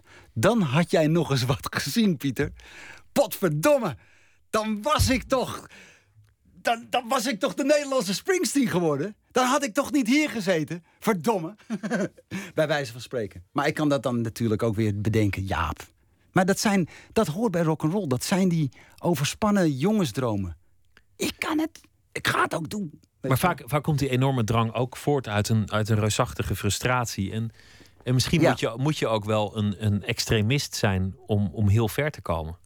Misschien Nou, is dat je- iets wat. Er zijn weinig eh, sympathieke, gebalanceerde, gematigde supersterren. Absoluut. En je ziet altijd bij supersterren, ik heb ze ook ontmoet, al die jongens, alle artiesten, daar zit, daar zit iets verkeerd. Daar is iets fout gegaan in de jeugd. En dat moet gecompenseerd. Dat moet gewoon gecompenseerd. Of het nou David Bowie is, of het Tom Waits is. Je kan bij al die jongens, al die mannen, kan je bijna stuk voor stuk de jeugd, jeugdtrauma's aanwijzen. Nick Cave, vader overleed op jonge leeftijd toen hij in de gevangenis zat, notabene Nick Cave. Tom Waits, vader weggelopen op hele jeugdige leeftijd. Bruce Springsteen, altijd ruzie met zijn vader. Kon niet met zijn vader opschieten. Vader was een depressieve man. David Bowie, eh, halfbroer die gestoord was... en die weggehouden moest worden bij de familie... waar hij heel erg onder leed. Nou, zo, zo kun je doorgaan. Frank Black, noem ze allemaal maar op. Ze hebben allemaal iets... En ik De- ook. En dat ga ik lekker niet vertellen wat het is. De, de, laatste, de laatste jaren eh, hield je bezig met. ehm, nou ja, muziek die mij persoonlijk nog meer interesseert, namelijk met de jazz. Je, je hebt Ja. op Radio 6 toch een, een flinke omzwaai gemaakt. Ineens van de, Ja. van de harde gitaren naar, naar de, de toeters. Ja, De saxofoons en de, en de, trompetten. Van eh, Ja. Nirvana naar Miles Davis. ja. Eigenlijk, als je het over dit soort verhalen hebt, stiekem een nog veel interessantere wereld. Nou, wat ik, Misschien minder massaal inmiddels, maar Ja, wat ik ontdekte, en dat was natuurlijk heel erg interessant voor mij, maar ik denk sowieso voor muziekliefhebbers. Kijk, mijn smaak heeft zich gelukkig wel altijd ontwikkeld. Ik ben niet bij Springsteen blijven hangen en ik ga ook niet meer naar concerten van Status Quo, terwijl ik daar wel fan van was.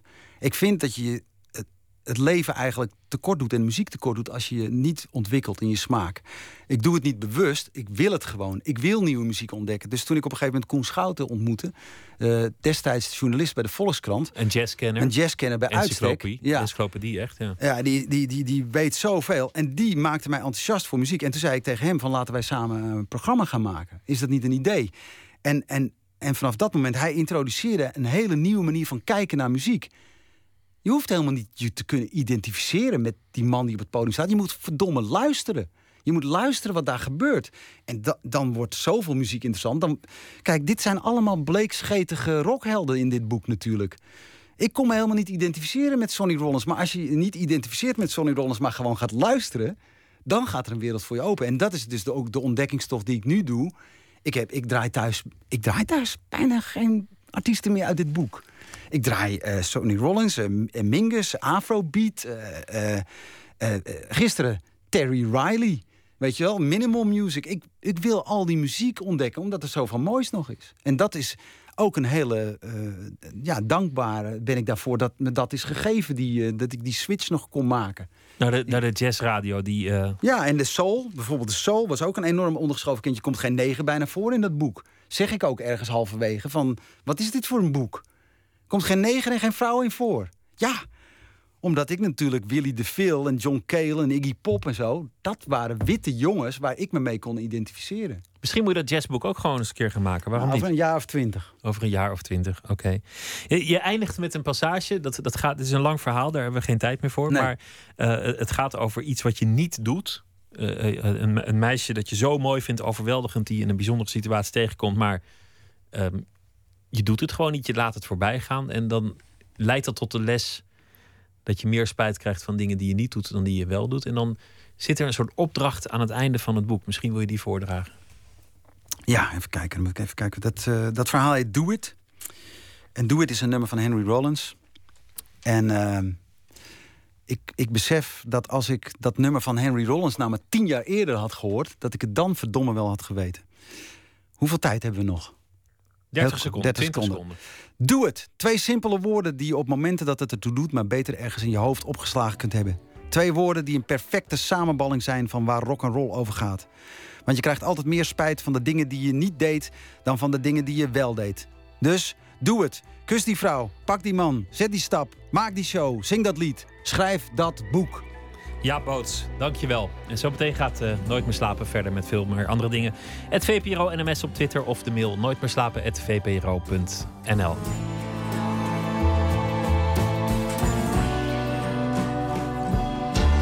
Op Radio 1.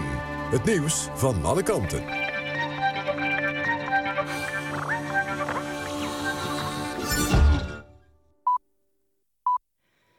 1 uur, Ember Brandsen met het NOS-journaal.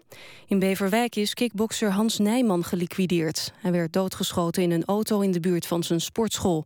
De politie kan nog niet bevestigen dat het om Nijman gaat... maar op een foto in de Telegraaf is te zien dat hij het is. De andere eigenaar van de sportschool is Dick V. Deze topcrimineel zit sinds september voor zijn eigen veiligheid in de cel. Hij had daar zelf om gevraagd.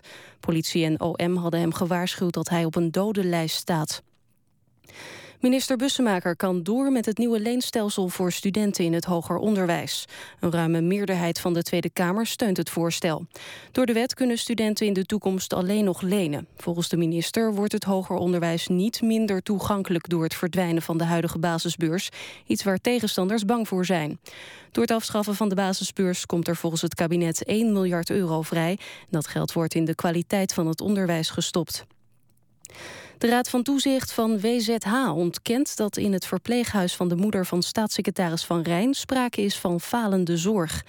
In het tv-programma Pauw toonde Van Rijn dinsdagavond begrip voor de klachten van zijn vader in het AD.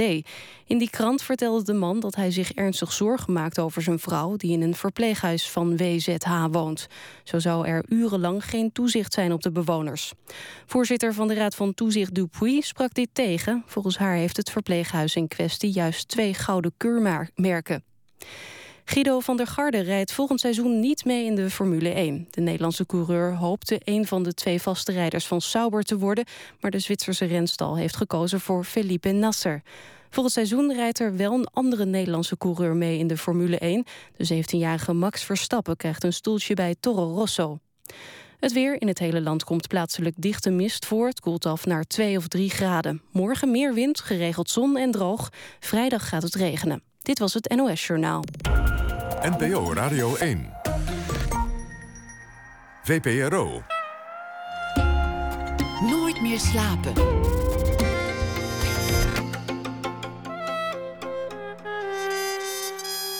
Met Pieter van der Wielen. U luistert naar Nooit meer slapen. Erik Lindner is uh, schrijver en dichter. Bundels gemaakt, terrein, tafel, tong en treden en tramontane en een uh, roman naar Whitebridge. Deze week schrijft hij elke dag een verhaal voor ons over de afgelopen dag. Iets in het nieuws of iets in zijn leven. Goedenacht, Erik. Goedenacht. Vertel, deze dag. Um, Wat was het? Wat er vandaag was. Uh, waar nou, waar heb, was je bijvoorbeeld? Waar heb je uitgehangen? Ik, uh, ik was uh, erg lang in het consulaat van India in Den Haag aan de Laan van Meerdervoort. Dus ik had veel de tijd om de kranten door te spitten om naar nieuwtjes te zoeken. En dat ging een beetje samen met het, de reden waarom ik daar was in het consulaat. Dus dat, dat vlocht ik samen in een, in een verhaal. Oh, je, je gaat ook in het verhaal vertellen waarom jij in het consulaat van India de krant hebt zitten lezen? Ja, ja nou, ik denk dat het er wel uit blijkt. Dat uh, hoop ik. Dat, Ga je gang. Oké. Op de Vlaamse boekenbeurs gaat het debat van Stefan Hertmans, Tom Lanois en Erwin Mortier niet door. Het gesprek over de Eerste Wereldoorlog wordt gedwarsboomd door de actualiteit. Ze willen liever de huidige regering kritisch onder de loep nemen. Ze spreken volgens de morgen van een nieuwe orde. Dubbele punt. Het is niet voor het eerst dat een strijd om de bedreigde identiteit leidt tot rancunepolitiek tegen sociale en culturele instellingen. In Bollywoodfilms wordt veel gekust, maar niet op straat. Dat meldt NRC Next. In de zuidelijke deelstaat Kerala van India was een kusincident. Een café werd kort en klein geslagen na het zoenen op de lokale tv. Daarop hielden studenten een zoenprotest. Andere radicalen spraken vervolgens van een liefdesjihad die zou leiden tot seksuele anarchie. De politie pakte 25 paren op. De jongen die de pasfoto's losknipt vertelt dat een, andere, een eerdere klant door het beroep kunstenaar op te geven bij de visumaanvraag in de problemen kwam. Kunstenaar, dat kan schrijver betekenen en schrijvers kunnen in de regel kritisch zijn. Hoe vraag ik nu met mijn losgeknipte foto een visum voor het Kritya Poetry in Trivandrum aan, hoofdstad van de kussende provincie Kerala aan het zuidelijke puntje van India? Is een festival een conferentie, een transitie, een seminar, een toeristische aangelegenheid? De dames achter het loket van het consulaat weten het niet en de tijd dringt. Begrijp je nu waarom Bollywoodfilms zoet zijn? vroeg de pasfotograaf. Er mag geen enkele kritiek in zitten. Het verhaal moet romantisch en harmonieus. Ik realiseer me waarom een Indiase dichter me meewarig aankeek toen ik de omschrijving van het Kritja Festival esoterisch noemde. We hebben allemaal in ons die sprankeling creativiteit, raad tot de uitnodiging, die door ons rent. Dat verbindt ons en laat het ego samengaan met het hogere zelf. Doe maar. Misschien moeten ze wel. Misschien zijn het omhullende woorden en is het hele festival een dekmantel, guerrilla. Misschien heb je voor een festival eigenlijk een trainingsvisum nodig. Poëzie is telkens net wat anders, merk ik vaak onderweg. Het heeft overal een andere plek in de cultuur, een andere gedaante, een andere identiteit. Of die nu bedreigd wordt of niet. Wonderlijke wereld van de, de internationale poëziefestivals, waar, uh, waar jij dan voordraagt in het Nederlands en iemand dat live vertaalt, neem ik aan. Ja, nou, live, het is wel eerder vertaald, maar live, live de vertaling voorleest, ja. Ja, ja, ja. oké, het wordt niet ter plekke vertaald, dat is, uh, dat is misschien wat veel gevraagd. Nou, dat, ja, dat, zou leuk zijn, maar dat, dat gaat meestal niet zo goed, ja. Ik hoorde over dit festival dat uh, van, van een... Het klinkt ongeloofwaardig, maar het is waar van een, een dichter met maar één arm uit uh, een van de Baltische Staten. Dat als je een regel voorleest en ze vinden die regel mooi... dan staat er een Indiaas mannetje in het publiek op en die, die, kaatst die regel terug. Dus af en toe wordt, wordt het hele, hele poëziefestival een soort echoput. Dus dat, dat schijnt ook heel lang te duren, die, uh, die bijeenkomsten. Hoe bedoel je, kaatst dan, dan zegt zo'n mooie zin dat ze me herhalen? Ja, ze gaan, ze gaan opstaan en die zin herhalen. Dus dan gaat het niet zozeer om het gedicht, maar om de losse regel. Hoeveel, hoeveel dichters komen er dan? Als jij, als jij naar India gaat voor zo'n festival, hoeveel mensen zul je daar treffen? Ik denk een, uh, stuk of dertig. Dertig dichters. Wat, en die gaan dan ook met z'n allen eten op een zeker ogenblik? Ja, zelfs, zelfs met de minister van Cultuur. Nou neem ik aan dat dat de minister van Cultuur van die deelstaat is, hoor. Niet van het land, maar... Uh, nee, het, het, is, het, is, het is een chic hotel, het is een vrij chic iets. Maar dat consulaat in Den Haag is behoorlijk niet chic, moet ik zeggen. Nee, dat lijkt me ook niet. Maar, maar hoe is het? 30 dichters bij elkaar. Wat, wat heb je dan voor gezelschap uit alle hoeken van de wereld? Het lijkt me best een, een rariteitenkabinet. Nou ja, er zijn, er zijn veel festivals. Je komt ook vaak gewoon bepaalde mensen tegen die je ook tegenkwam in Quebec of in, in Macedonië. Um, het is wel, nou dat is een beetje mijn stokpaardje, maar het is wel overal wat anders. Het is overal net anders georganiseerd. En um, ja, soms is het toch een European Songfestival. Soms vertegenwoordigt iedereen tegen wil en dank toch zijn eigen land. Jij bent typisch de Nederlander en de ander is typisch de Fransman, et cetera, et cetera. Dat, uh, daar kom je niet omheen.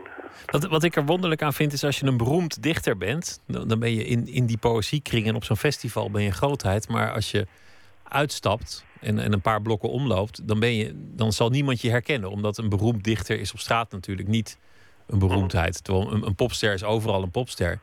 Ja. Het is net, ik had net een gesprek met Jaap Boots. Dat is dan de radio. Dan heb je dat ook al een beetje. Dat je dan in, in dat kleine segment de radio misschien een hele pief bent... maar twee straatjes lopen en, en het is voorbij. Ja, ja, klopt. Nou, het is wel typisch voor zo'n festival... dat ze meestal één uh, uh, hoofdgast hebben... Gelukkig in Rotterdam is dat veel minder, want dan heb je niet meer één grote naam en de rest onbekend. Maar die, die wordt de hele tijd op sleeptouw genomen. Dus die kan geen, eens zelf op straat lopen. En uh, ik heb wel eens opgemerkt dat ik het prettig vind om geen beginner meer te zijn, maar ook niet zo'n eminence grise die de hele tijd uh, in het middel van de belangstelling staat. Het, het, is, wil, je, wil je een beetje ontspannen voelen op zo'n festival, moet je juist af en toe even weglopen en de stad inlopen. En, uh, en dat, dat, dat, dat, tenminste, dat maakt het voor mij interessant. Ik wens je daar nu alvast veel plezier, maar dat is voorlopig nog niet, want morgen krijgen we weer een verhaal van je. Erik Lindner, dank je wel en een goede nacht voor nu. Dank je wel. Lorraine Phil is een Nederlandse gelegenheidsband. Die kwam uh, voort uit een soort spel op Facebook. En die band de muzikanten van allerlei verschillende windrichtingen. Anneke van Giersberg en Bertolf, om maar twee te noemen. De eerste cd van het gezelschap was een onverwacht succes. Dus toen moest er ook een tweede komen. Desire the Reckless heet die. Het nummer dat wij draaien heet. Two souls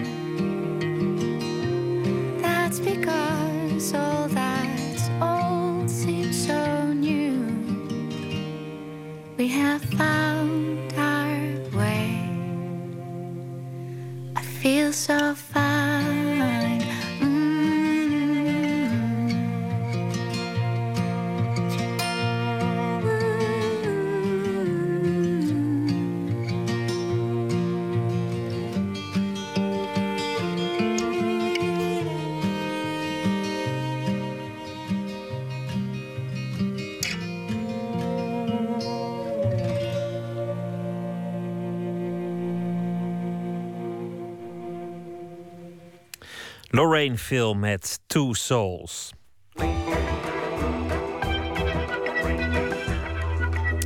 Wie denkt aan animatie, denkt al snel aan overdreven stereotypes, aan prinsessen, superhelden. Tijdens het Klik Amsterdam Animation Festival is te zien hoe veel diverser het aanbod zou kunnen zijn. En het eh, is soms slechts een kwestie van even anders kijken naar de al bekende figuren. Verslaggever Floortje Smit spreekt met de festivaldirecteur Yvonne van Ulde en transgender Petra van Dijk over de man-vrouw beelden in animatiefilms.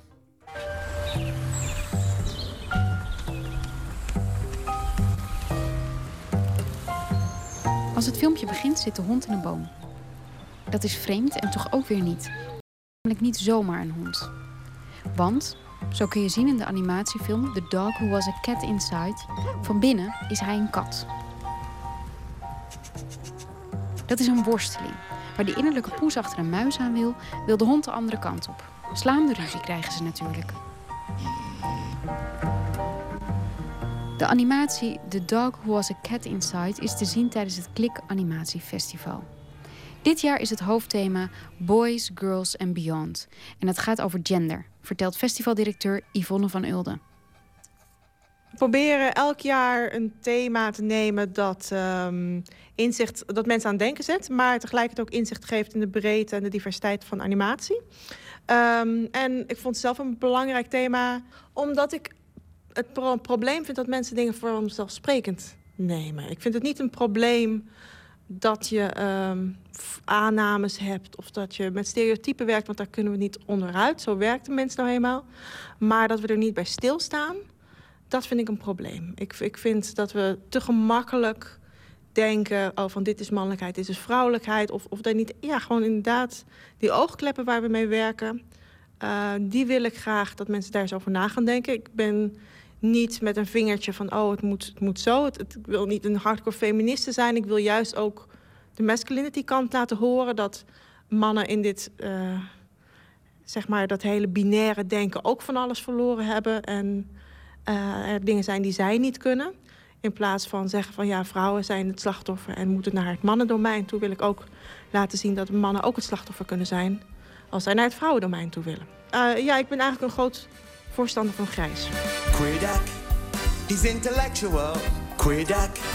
He's homosexual. Please don't think that he's perverse. He's the patient's favorite male nurse. He's okay, he's just fake, cause he's openly gay. He's a truly queer, queer duck, queer duck. Nu is animatie volgens mij bij uitstek iets wat werkt met stereotypen. Klopt. Het is, een, het, is een, het is een beetje een paradox. Aan de ene kant is animatie heel fluïde. En is het een medium waar je heel makkelijk anarchistisch en de grenzen kunt opzoeken. Maar tegelijkertijd is het ook een medium doordat het de werkelijkheid heel erg abstraheert. En heel erg snel en puntig wil communiceren. dat men heel gauw vervalt juist inderdaad in stereotypes. Ja, dus het, is, het kan allebei. En dat is wel wat we met het festival, met het programma willen laten zien, die beide kanten. Dus ehm, de echte stereotype mannen en vrouwen. Ook om daar zo van, als we er op die manier naar kijken, geeft het ons een inzicht van wat zien we dan als mannelijkheid en wat zien we dan als vrouwelijkheid. Ehm, en, maar dus ook de, de grensgevallen, de mensen die animatie gebruiken om een persoonlijk verhaal te vertellen of uh, een, een issue aan de kaart te stellen. Buiten de films onderzoekt Klik ook het genderthema in talkshows aanstaande zondag. Transgender Modes to Decode gaat bijvoorbeeld over de typische man-vrouw beelden die er zijn in de populaire cultuur. Maar met wie kun je je dan identificeren als je niet in die hokjes past? Met transgender Petra van Dijk, een van de spreeksters, kijk ik naar Yoko Tsuno. Het rolmodel dat zij vond toen ze 14 was. Een nachthemd, eh, met een headset op als, als piloten of als helikopterpiloten, in een kimono, ja, in een laboratorium op een planeet. Yoko Tsuno is een uh, jonge Japanse vrouw, een ingenieur, uh, gespecialiseerd in uh, techniek en geluidstechniek. Um, zij is ook een soort van ja, detective, uh, avonturierster. Dus zij is heel stoer, heel modern, maar ze is ook Japanse. Dat trekt mij ook heel erg aan. En ze is ook traditioneel Japans, dus ze heeft ook af en toe een kimono aan. Uh, dan gaat ze thee drinken en uh, ze doet ook aan Japanse martial arts, onder andere boogschieten. Dus zij is echt alles in één, zeg maar. Ineens had ik zo'n strip in mijn handen en ik ging lezen en ik was gelijk ja, gebiologeerd. En ik heb uh, allemaal strips gekocht toen van mijn zakgeld nog, ja. En wat zat er nou in wat jou zo uh, fascinerend was? Is het, is het die combinatie van het, van het stoere en het vrouwelijke? Ja, dat denk ik wel. Het, sowieso werd ik aangetrokken door, uh, door alles wat vrouwelijk was. Dat, dat, dat boeide mij enorm. Dat trok mij enorm aan. Maar aan de andere kant, ja, ook een beetje de techniek en uh, science fiction. Die combinatie, denk ik. Animatie kan mensen die worstelen met hun gender ook op een andere manier helpen.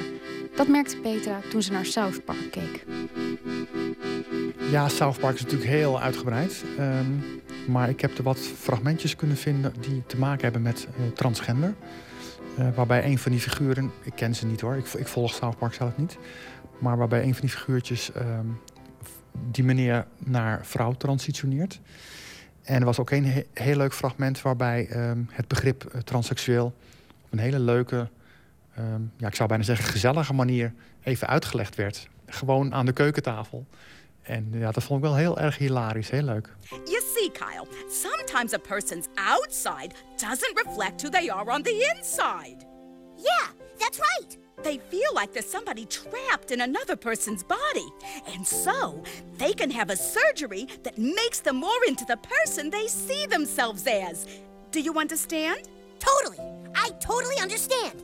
There. You see, Gerald? He totally understands. Nee, South Park kan, kan soms heel grof zijn, heel bot en heel lomp.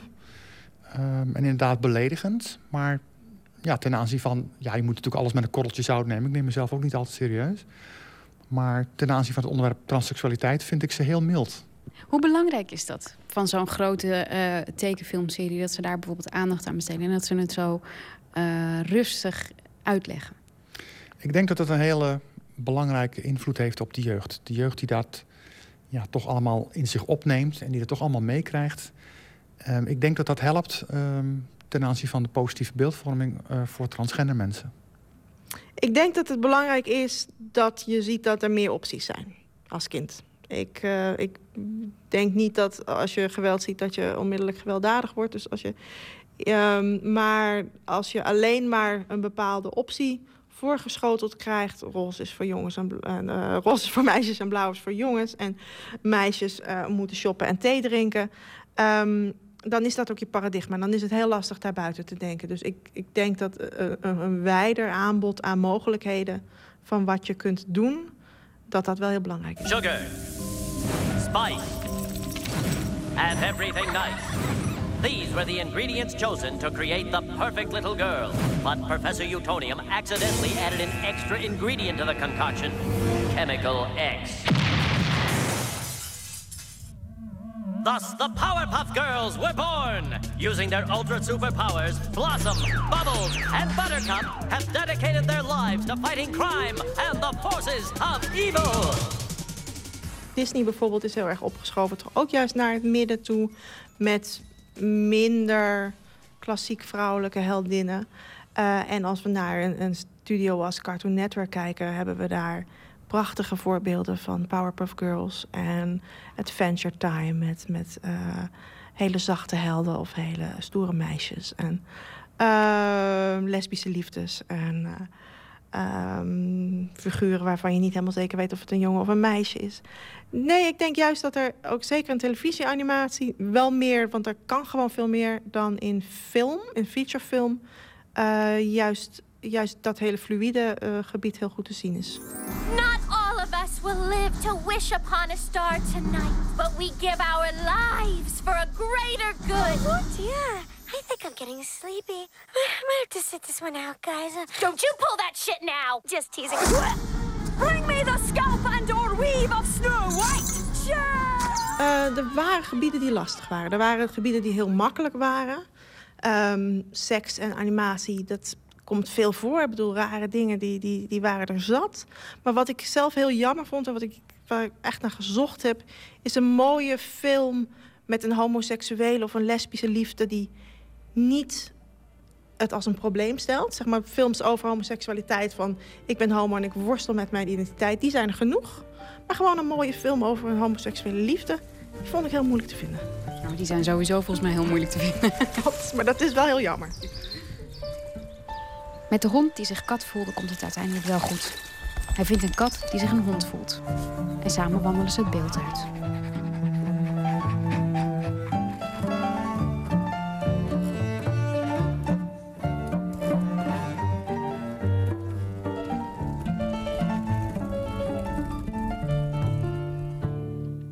Het Klik Amsterdam Animation Festival nog tot 9 november in AI Amsterdam. Zondag zijn er uh, verschillende talkshows waarin wordt gesproken over de man-vrouw verhouding in de animatie. De Australiër C.W. Stone King grijpt ook op zijn derde album Gone Boogaloo een beetje terug op het geluid van de jaren 30 en 40. En dat geeft zijn uh, muziek een desolate sfeer die passend is voor de duistere uren waar we ons huidig in bevinden. Luister naar Mama Got the Blues.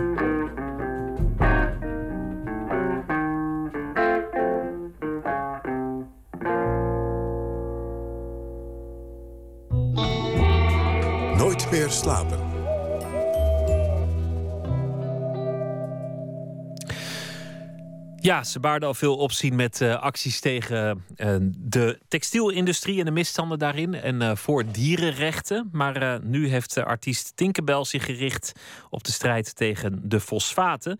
En gisteren is er een motie aangenomen in de Tweede Kamer. die weinig aandacht heeft gekregen in de pers. maar die volgens deze kunstenares Tinkerbell heel belangrijk zou kunnen zijn. Namelijk de eis dat de regering zich maximaal en blijvend zal inspannen. om fosfaten te scheiden uit dierlijke afvalstoffen. Anton de Goede, nachtcorrespondent. Goeienacht. Ja, dag Pieter. Uh, ja, helemaal, helemaal gelijk heb je. Ja, de strijd tegen de fosfaten, dat klinkt misschien een beetje raar. Fosfaten zijn het belangrijkste bestanddeel van kunstmest. En essentieel voor, voor voeding. En we moeten er zuinig op zijn, want het is een eindige bron. Dus uh, te veel fosfaten is niet goed te veel fosfaten in de bodem.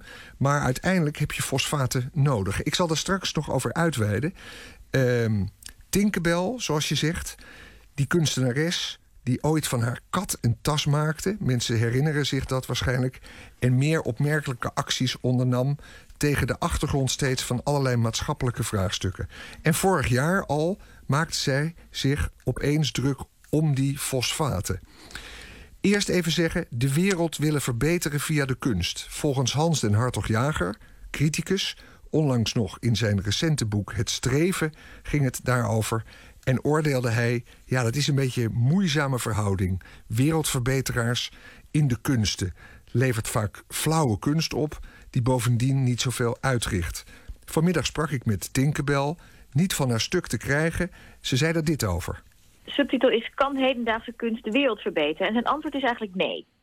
En dat is wat je heel vaak hoort. En mijn zeer stellige stelling is: ja, dat kan kunst wel. Want ik bedoel, op het moment dat je als kunstenaar het voor elkaar krijgt om een, een, een onderwerp wat nog geen agendapunt is in de politiek, wereldwijd nergens, om dat wel degelijk op de agenda te krijgen door een kunstwerk, dan uh, heb je je maatschappelijke relevantie, denk ik, wel bewezen. Ja, ze klinkt uh, opgewekt, opgetogen, alsof ze iets te vieren heeft. Ja, en dat zou je ook wel kunnen zeggen. Vorig jaar begon ze aandacht te vragen voor het fosfaatprobleem. Uh, in de vorm van een film, Save Our Children. Een alarmerende film waarvan de boodschap was: fosfaat is een goedje dat essentieel is voor voeding. En dat fosfaat zal ooit op de lange termijn op zijn. En bijna niemand heeft door hoe verschrikkelijk dat is. Hongersnoden, oorlogen, de gevolgen zijn uiteindelijk niet te overzien. En zij ziet nu resultaat in die motie waar je het over had, door de Tweede Kamer ingediend en aangenomen. Motie van de regering wordt geëist dat die zich maximaal en blijvend zal inspannen om fosfaten te scheiden uit dierlijke afvalstoffen. Luister weer even naar Tinkerbell. Sinds ik die film heb gemaakt vorig jaar is uh, fosfaat voor het eerst wel degelijk in de Tweede Kamer besproken hier in Nederland. Het heeft eigenlijk een jaar doorgesudderd. Uh, het is ook veel in het nieuws geweest. Er is veel over gepubliceerd. Sindsdien, dat was ook voor het eerst. Um, en gisteren is er een motie aangenomen in de Kamer uh, die stelt dat we eigenlijk alles aan gaan doen om uit alle dierlijke resten fosfaat te herwinnen en te hergebruiken. En dat is zelfs op wereldniveau is dat revolutionair. Wat raar klinkt omdat het zo logisch is om het te doen. Maar het is dus absoluut niet logisch geweest tot nu toe. En uh, het is een eerste stap in ervoor te zorgen dat wij de komende eeuw nog kunnen blijven eten. En zeer noodzakelijk. En daarom fantastisch dat het nu is gebeurd. Anton, help me even, want ik, uh, ik ben spoorgewoon weer bij, dus ik snap het niet. Vertel eens. Nee. Nou, de gedachte is als volgt. Nederland importeert ontzettend veel veevoer.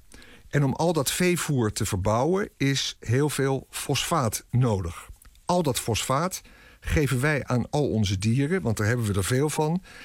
En die fosfaten die verdwijnen met het kakken en het piezen van die dieren in onze bodem, waar we eigenlijk al veel te veel van hebben. Uh, van die fosfaten. Terwijl er in de landen waar het veevoer vandaan komt een tekort ontstaat. Dus als we zoveel dieren willen blijven houden, om op te eten, om, eh, om, om, om veeteelt van te hebben... dan is de enige oplossing dat we uit die mest de fosfaten weer terugwinnen... en die weer terugsturen naar de landen waar dit veevoer vandaan komt. Alleen op die manier zou er een soort duurzame kringloop kunnen ontstaan. En een motie die gisteren werd aangenomen, die, waar trouwens nog niemand over geschreven heeft, op de een of andere rare manier is dat, eh, is dat aan de aandacht ontsnapt. Die motie die voorziet dus in, in, in, in deze methodiek. Althans, volgens Tinkerbell. Hoe belangrijk schatten nu wetenschappers deze motie in? Ik vroeg het professor Cees Buisman, hoogleraar Milieutechnologie aan de Universiteit van Wageningen. En die zei er vanavond dit over. Ja, ik vind het een belangrijke stap. Ja, je moet je natuurlijk voorstellen dat we schatten dat we ergens tussen de 50 en de 500 jaar nog aan fosfaat hebben. Terwijl de aarde nog ongeveer een miljard jaar bewoonbaar blijft. En zonder fosfaat is het onmogelijk om 9 miljard mensen eten te geven. En uh, als we dus nu beginnen met 99% fosfaat te recyclen, dan hebben we, zal ik zeggen, voor een miljoen jaar fosfaat. Dus dat is nog steeds te kort. En je kan je natuurlijk voorstellen dat het kapitalistisch systeem te laat de fosfaatprijs omhoog laat gaan. Dan is het niet meer te redden. Dus uh, het lijkt me zeer gerechtvaardigd dat de regering hier nu actie neemt. Ja, dus een belangrijke wet en een goed beleid, zegt uh, deze hoogleraar Buisman. Maar wil het dan ook zeggen, want dat was de vraag waar je mee begon, dat geëngageerde kunst iets uithaalt? Ik bedoel, heeft, heeft zo'n wet nou iets te maken met, met die Tinkerbell? Nou ja, het is interessant. En het is natuurlijk eigenlijk niet te meten wat de invloed is van Tinkerbell. Uh, wat, wat, zij voor invloed gehad heeft.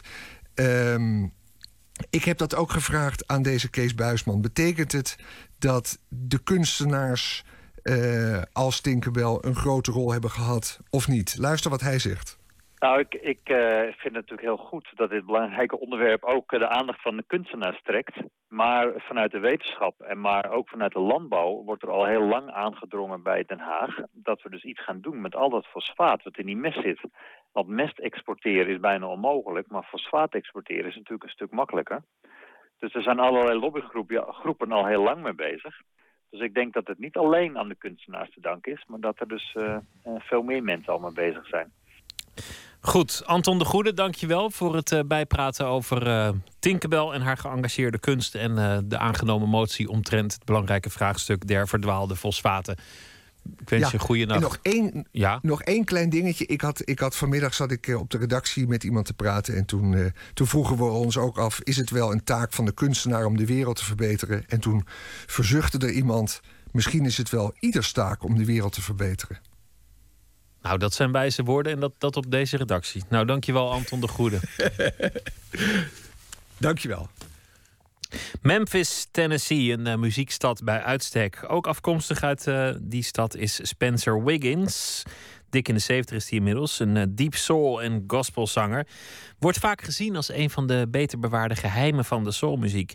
Een nummer van hem uit 1967, The Power of a Woman.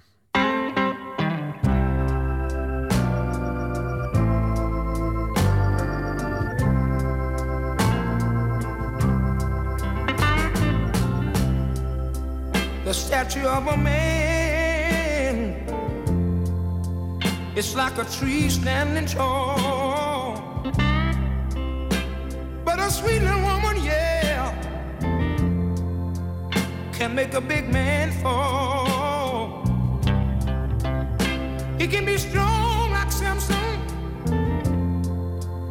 and big like Hercules. But two sweet put a man down on his knees. That's the power of a woman. Oh, that's the power of a woman. Oh, yes, it is. Oh, yeah. Dig this. When a man loves a woman, he might forget his name. But two loving arms can make a bad man change, yeah. She can wrap a man around a finger, lead him around by the nose. She got a mojo working wherever he goes now. That's just about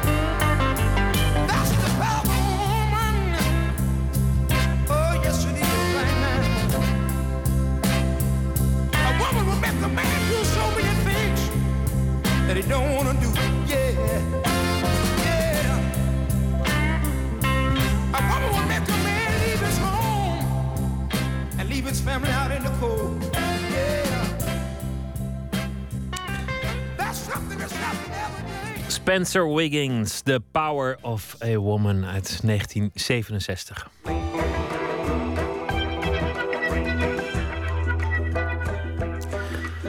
Blauwdruk voor een nog beter leven. Zo heet het uh, nieuwe stuk van het Nationaal Toneel. Aanstaande zaterdag gaat het in première. De schrijver is Ilja Leonard Pfeiffer. Hij bewerkte een Amerikaans stuk uit de jaren 30 over drie jonge kunstenaars, over hun principes, hun dromen en, om het pikant te maken, hun driehoeksverhouding.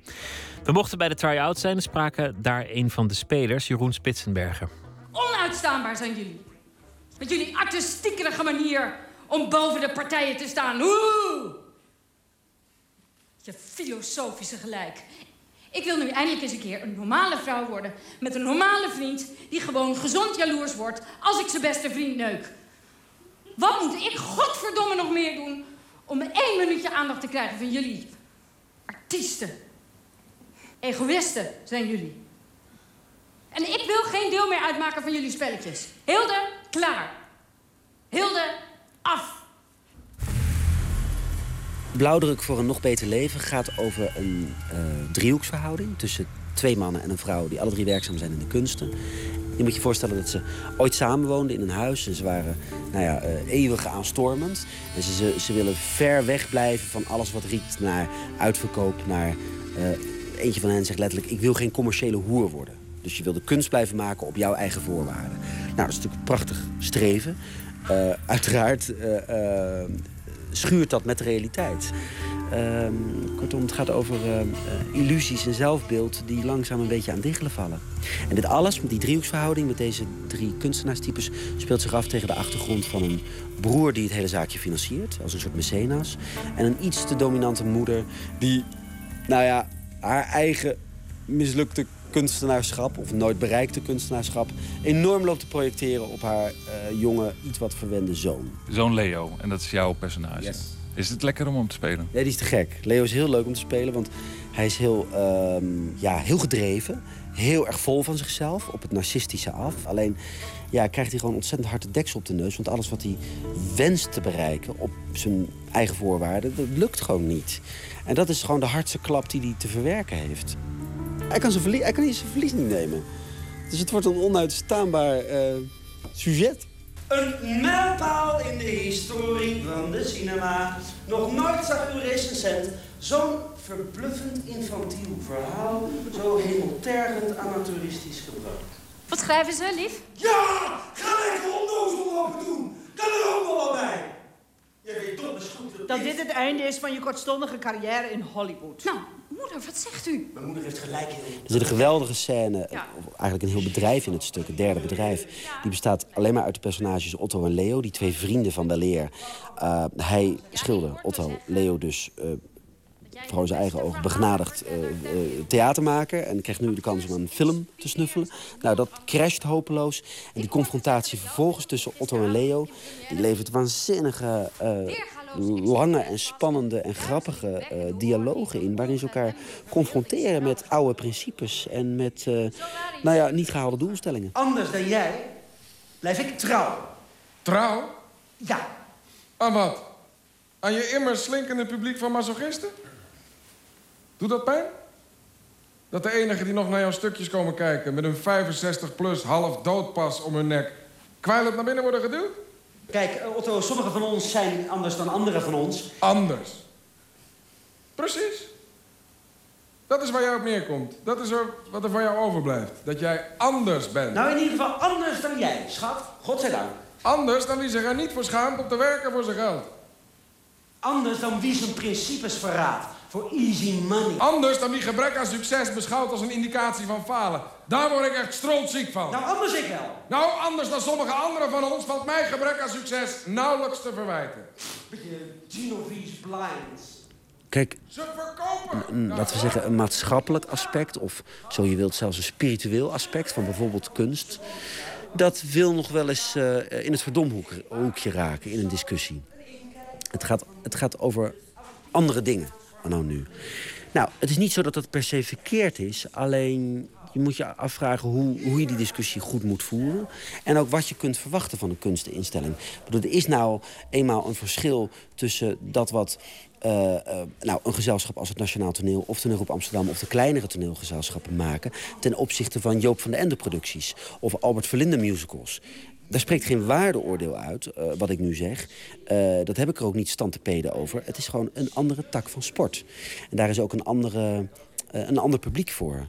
En een groter publiek, ook in sommige gevallen. Dat is evident. Maar dat betekent niet dat het ene meer waard is ten opzichte van het andere. Dat betekent ook niet dat je dus moet zeggen... Ja, maar hun lukt het wel om zich zelfstandig te, te ruipen... en elke avond 800 man uh, in, in, in, bussen uit alle windstreken hierheen te voeren... met catering erbij en iedereen gaat met een t-shirt naar huis. Ja, te gek en gefeliciteerd. Maar dat betekent niet dat kleinere, kwetsbaardere uh, kunstuitingen... niet het... Ja, uh, niet, niet de, de, de, de, de waarde hebben, de geldigheid hebben om te bestaan. En ook om beschermd te worden. Desnoods met subsidiegeld. Jij en uh, bijvoorbeeld ook je tegenspeler Matteo van der Grijn... zijn beide in al die velden werkzaam. Ik ja. bedoel, jij, jij, werkt voor uh, Toneelgroep Amsterdam, voor het Nationale Toneel. Talpa. Hoe voor Talpa. wil je het hebben? Ja.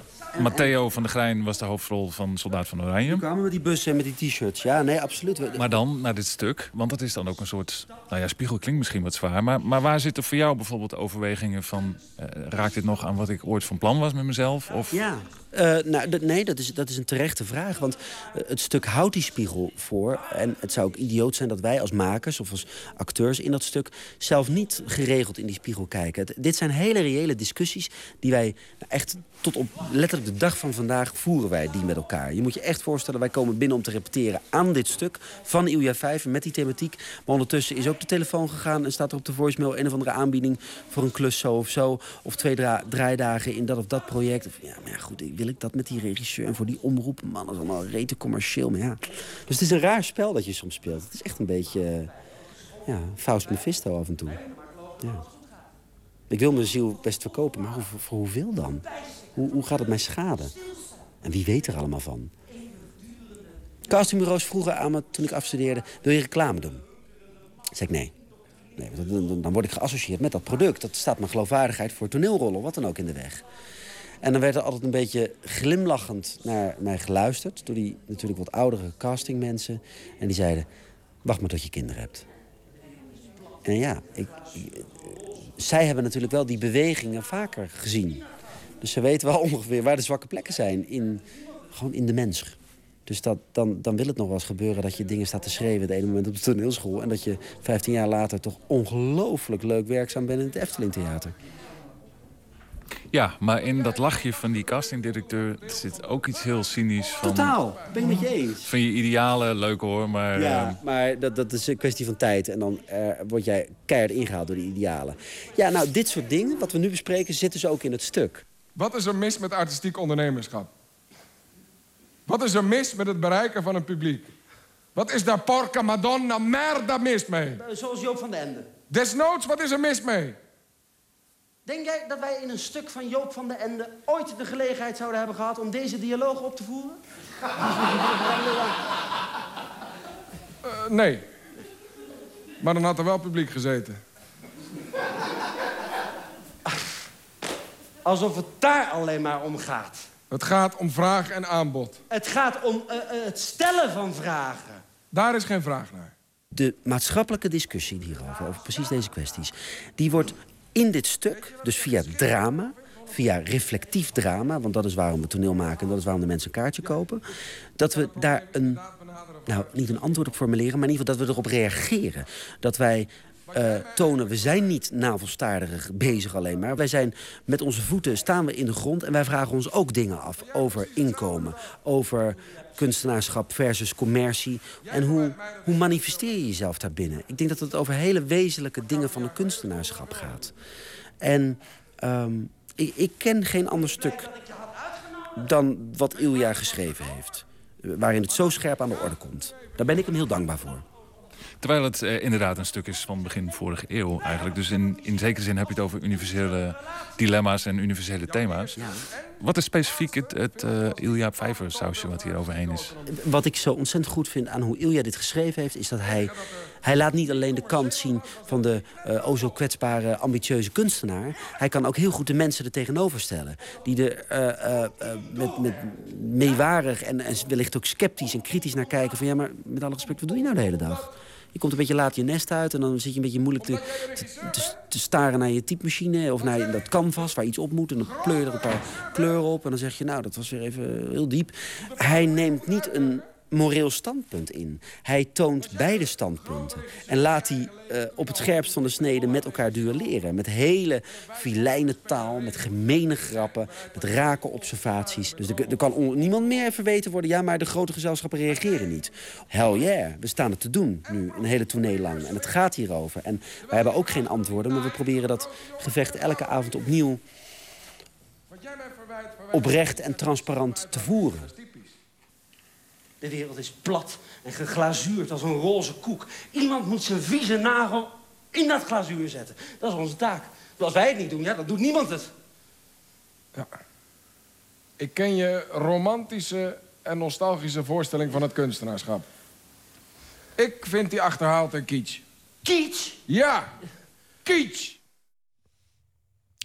Jeroen Spitsenberger was dat in gesprek met onze verslaggever Jan-Paul de Bond. Blauwdruk voor een nog beter leven. Het eh, is te zien bij het Nationaal Toneel in Den Haag.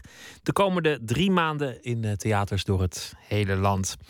We gaan luisteren naar eh, de blues. Uit New Orleans komen ze. Hooray voor de Riff Raff, de Youngblood Blues.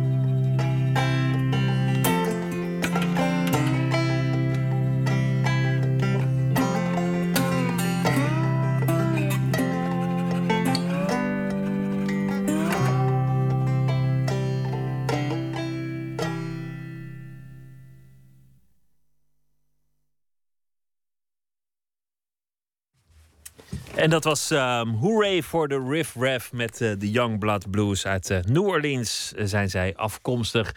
En daarmee zijn we zo'n beetje aan het einde gekomen van eh, deze aflevering van Nooit meer slapen. Via Twitter, het VPRO NMS of via de mail nooit meer slapen, het VPRO.nl voor eh, vragen of opmerkingen of eh, nou ja, wat u maar eh, te melden heeft. Morgen is Nooit meer slapen er weer na middernacht. En dan eh, komt hier eh, Ali B eh, te gast. Die heeft een theaterprogramma. Hij is natuurlijk vooral rapper en cabaretier en eh knuffel Marokkaan. Hij vertelt alles over zijn eh, leven zo'n beetje in dat theaterprogramma. Ali B eh, geeft antwoord en Ali B bekend. Dat zijn de titels van zijn eh cabaretdingen tot nu toe. Kreeg ook een prijs voor. En eh, morgen ga ik met hem praten over eh, het succes. En over eh, de keerzijde van het succes. En over hoe het eigenlijk zover is gekomen. En ook over zijn achtergrond als eh, banketbakker die voortijdig met zijn eh, opleiding is gestopt. Documentairemaker Marije Meerman die ging als eh, kleuter naar de anti-autoritaire crash. En daar moest ze met poep spelen. Want dat zijn eh, natuurlijke neigingen die je gewoon de vrije loop moet laten. Boormachines en andere socialistisch-revolutionaire kleuters kwam ze ook nog tegen. En 45 jaar later duikt ze in het nagelaten archief van haar moeder om erachter te komen wat haar eigenlijk bewoog om haar naar die crash te sturen. Crash natuurlijk gespeld zoals je dat in die tijd deed. K-R-E-S-J. Ehm, nou ja, dus over opvoeden, opgroeien en de verschillende vormen van eh, de vrijheid. En Erik Lindner, die u ook vanavond kon horen, die eh, leest morgen weer een eh, verhaal voor, geïnspireerd op de actualiteit. Dat doet hij deze week elke dag. Dat allemaal morgen in Nooit meer slapen na middernacht. Wens ik u een hele goede nacht en morgen een hele leuke dag. En graag weer tot morgen. Straks op deze zender de Vara met de Nacht van Jolen met Francisco van Jolen. Die zag ik al lopen. Ik wens u nogmaals een hele goede nacht.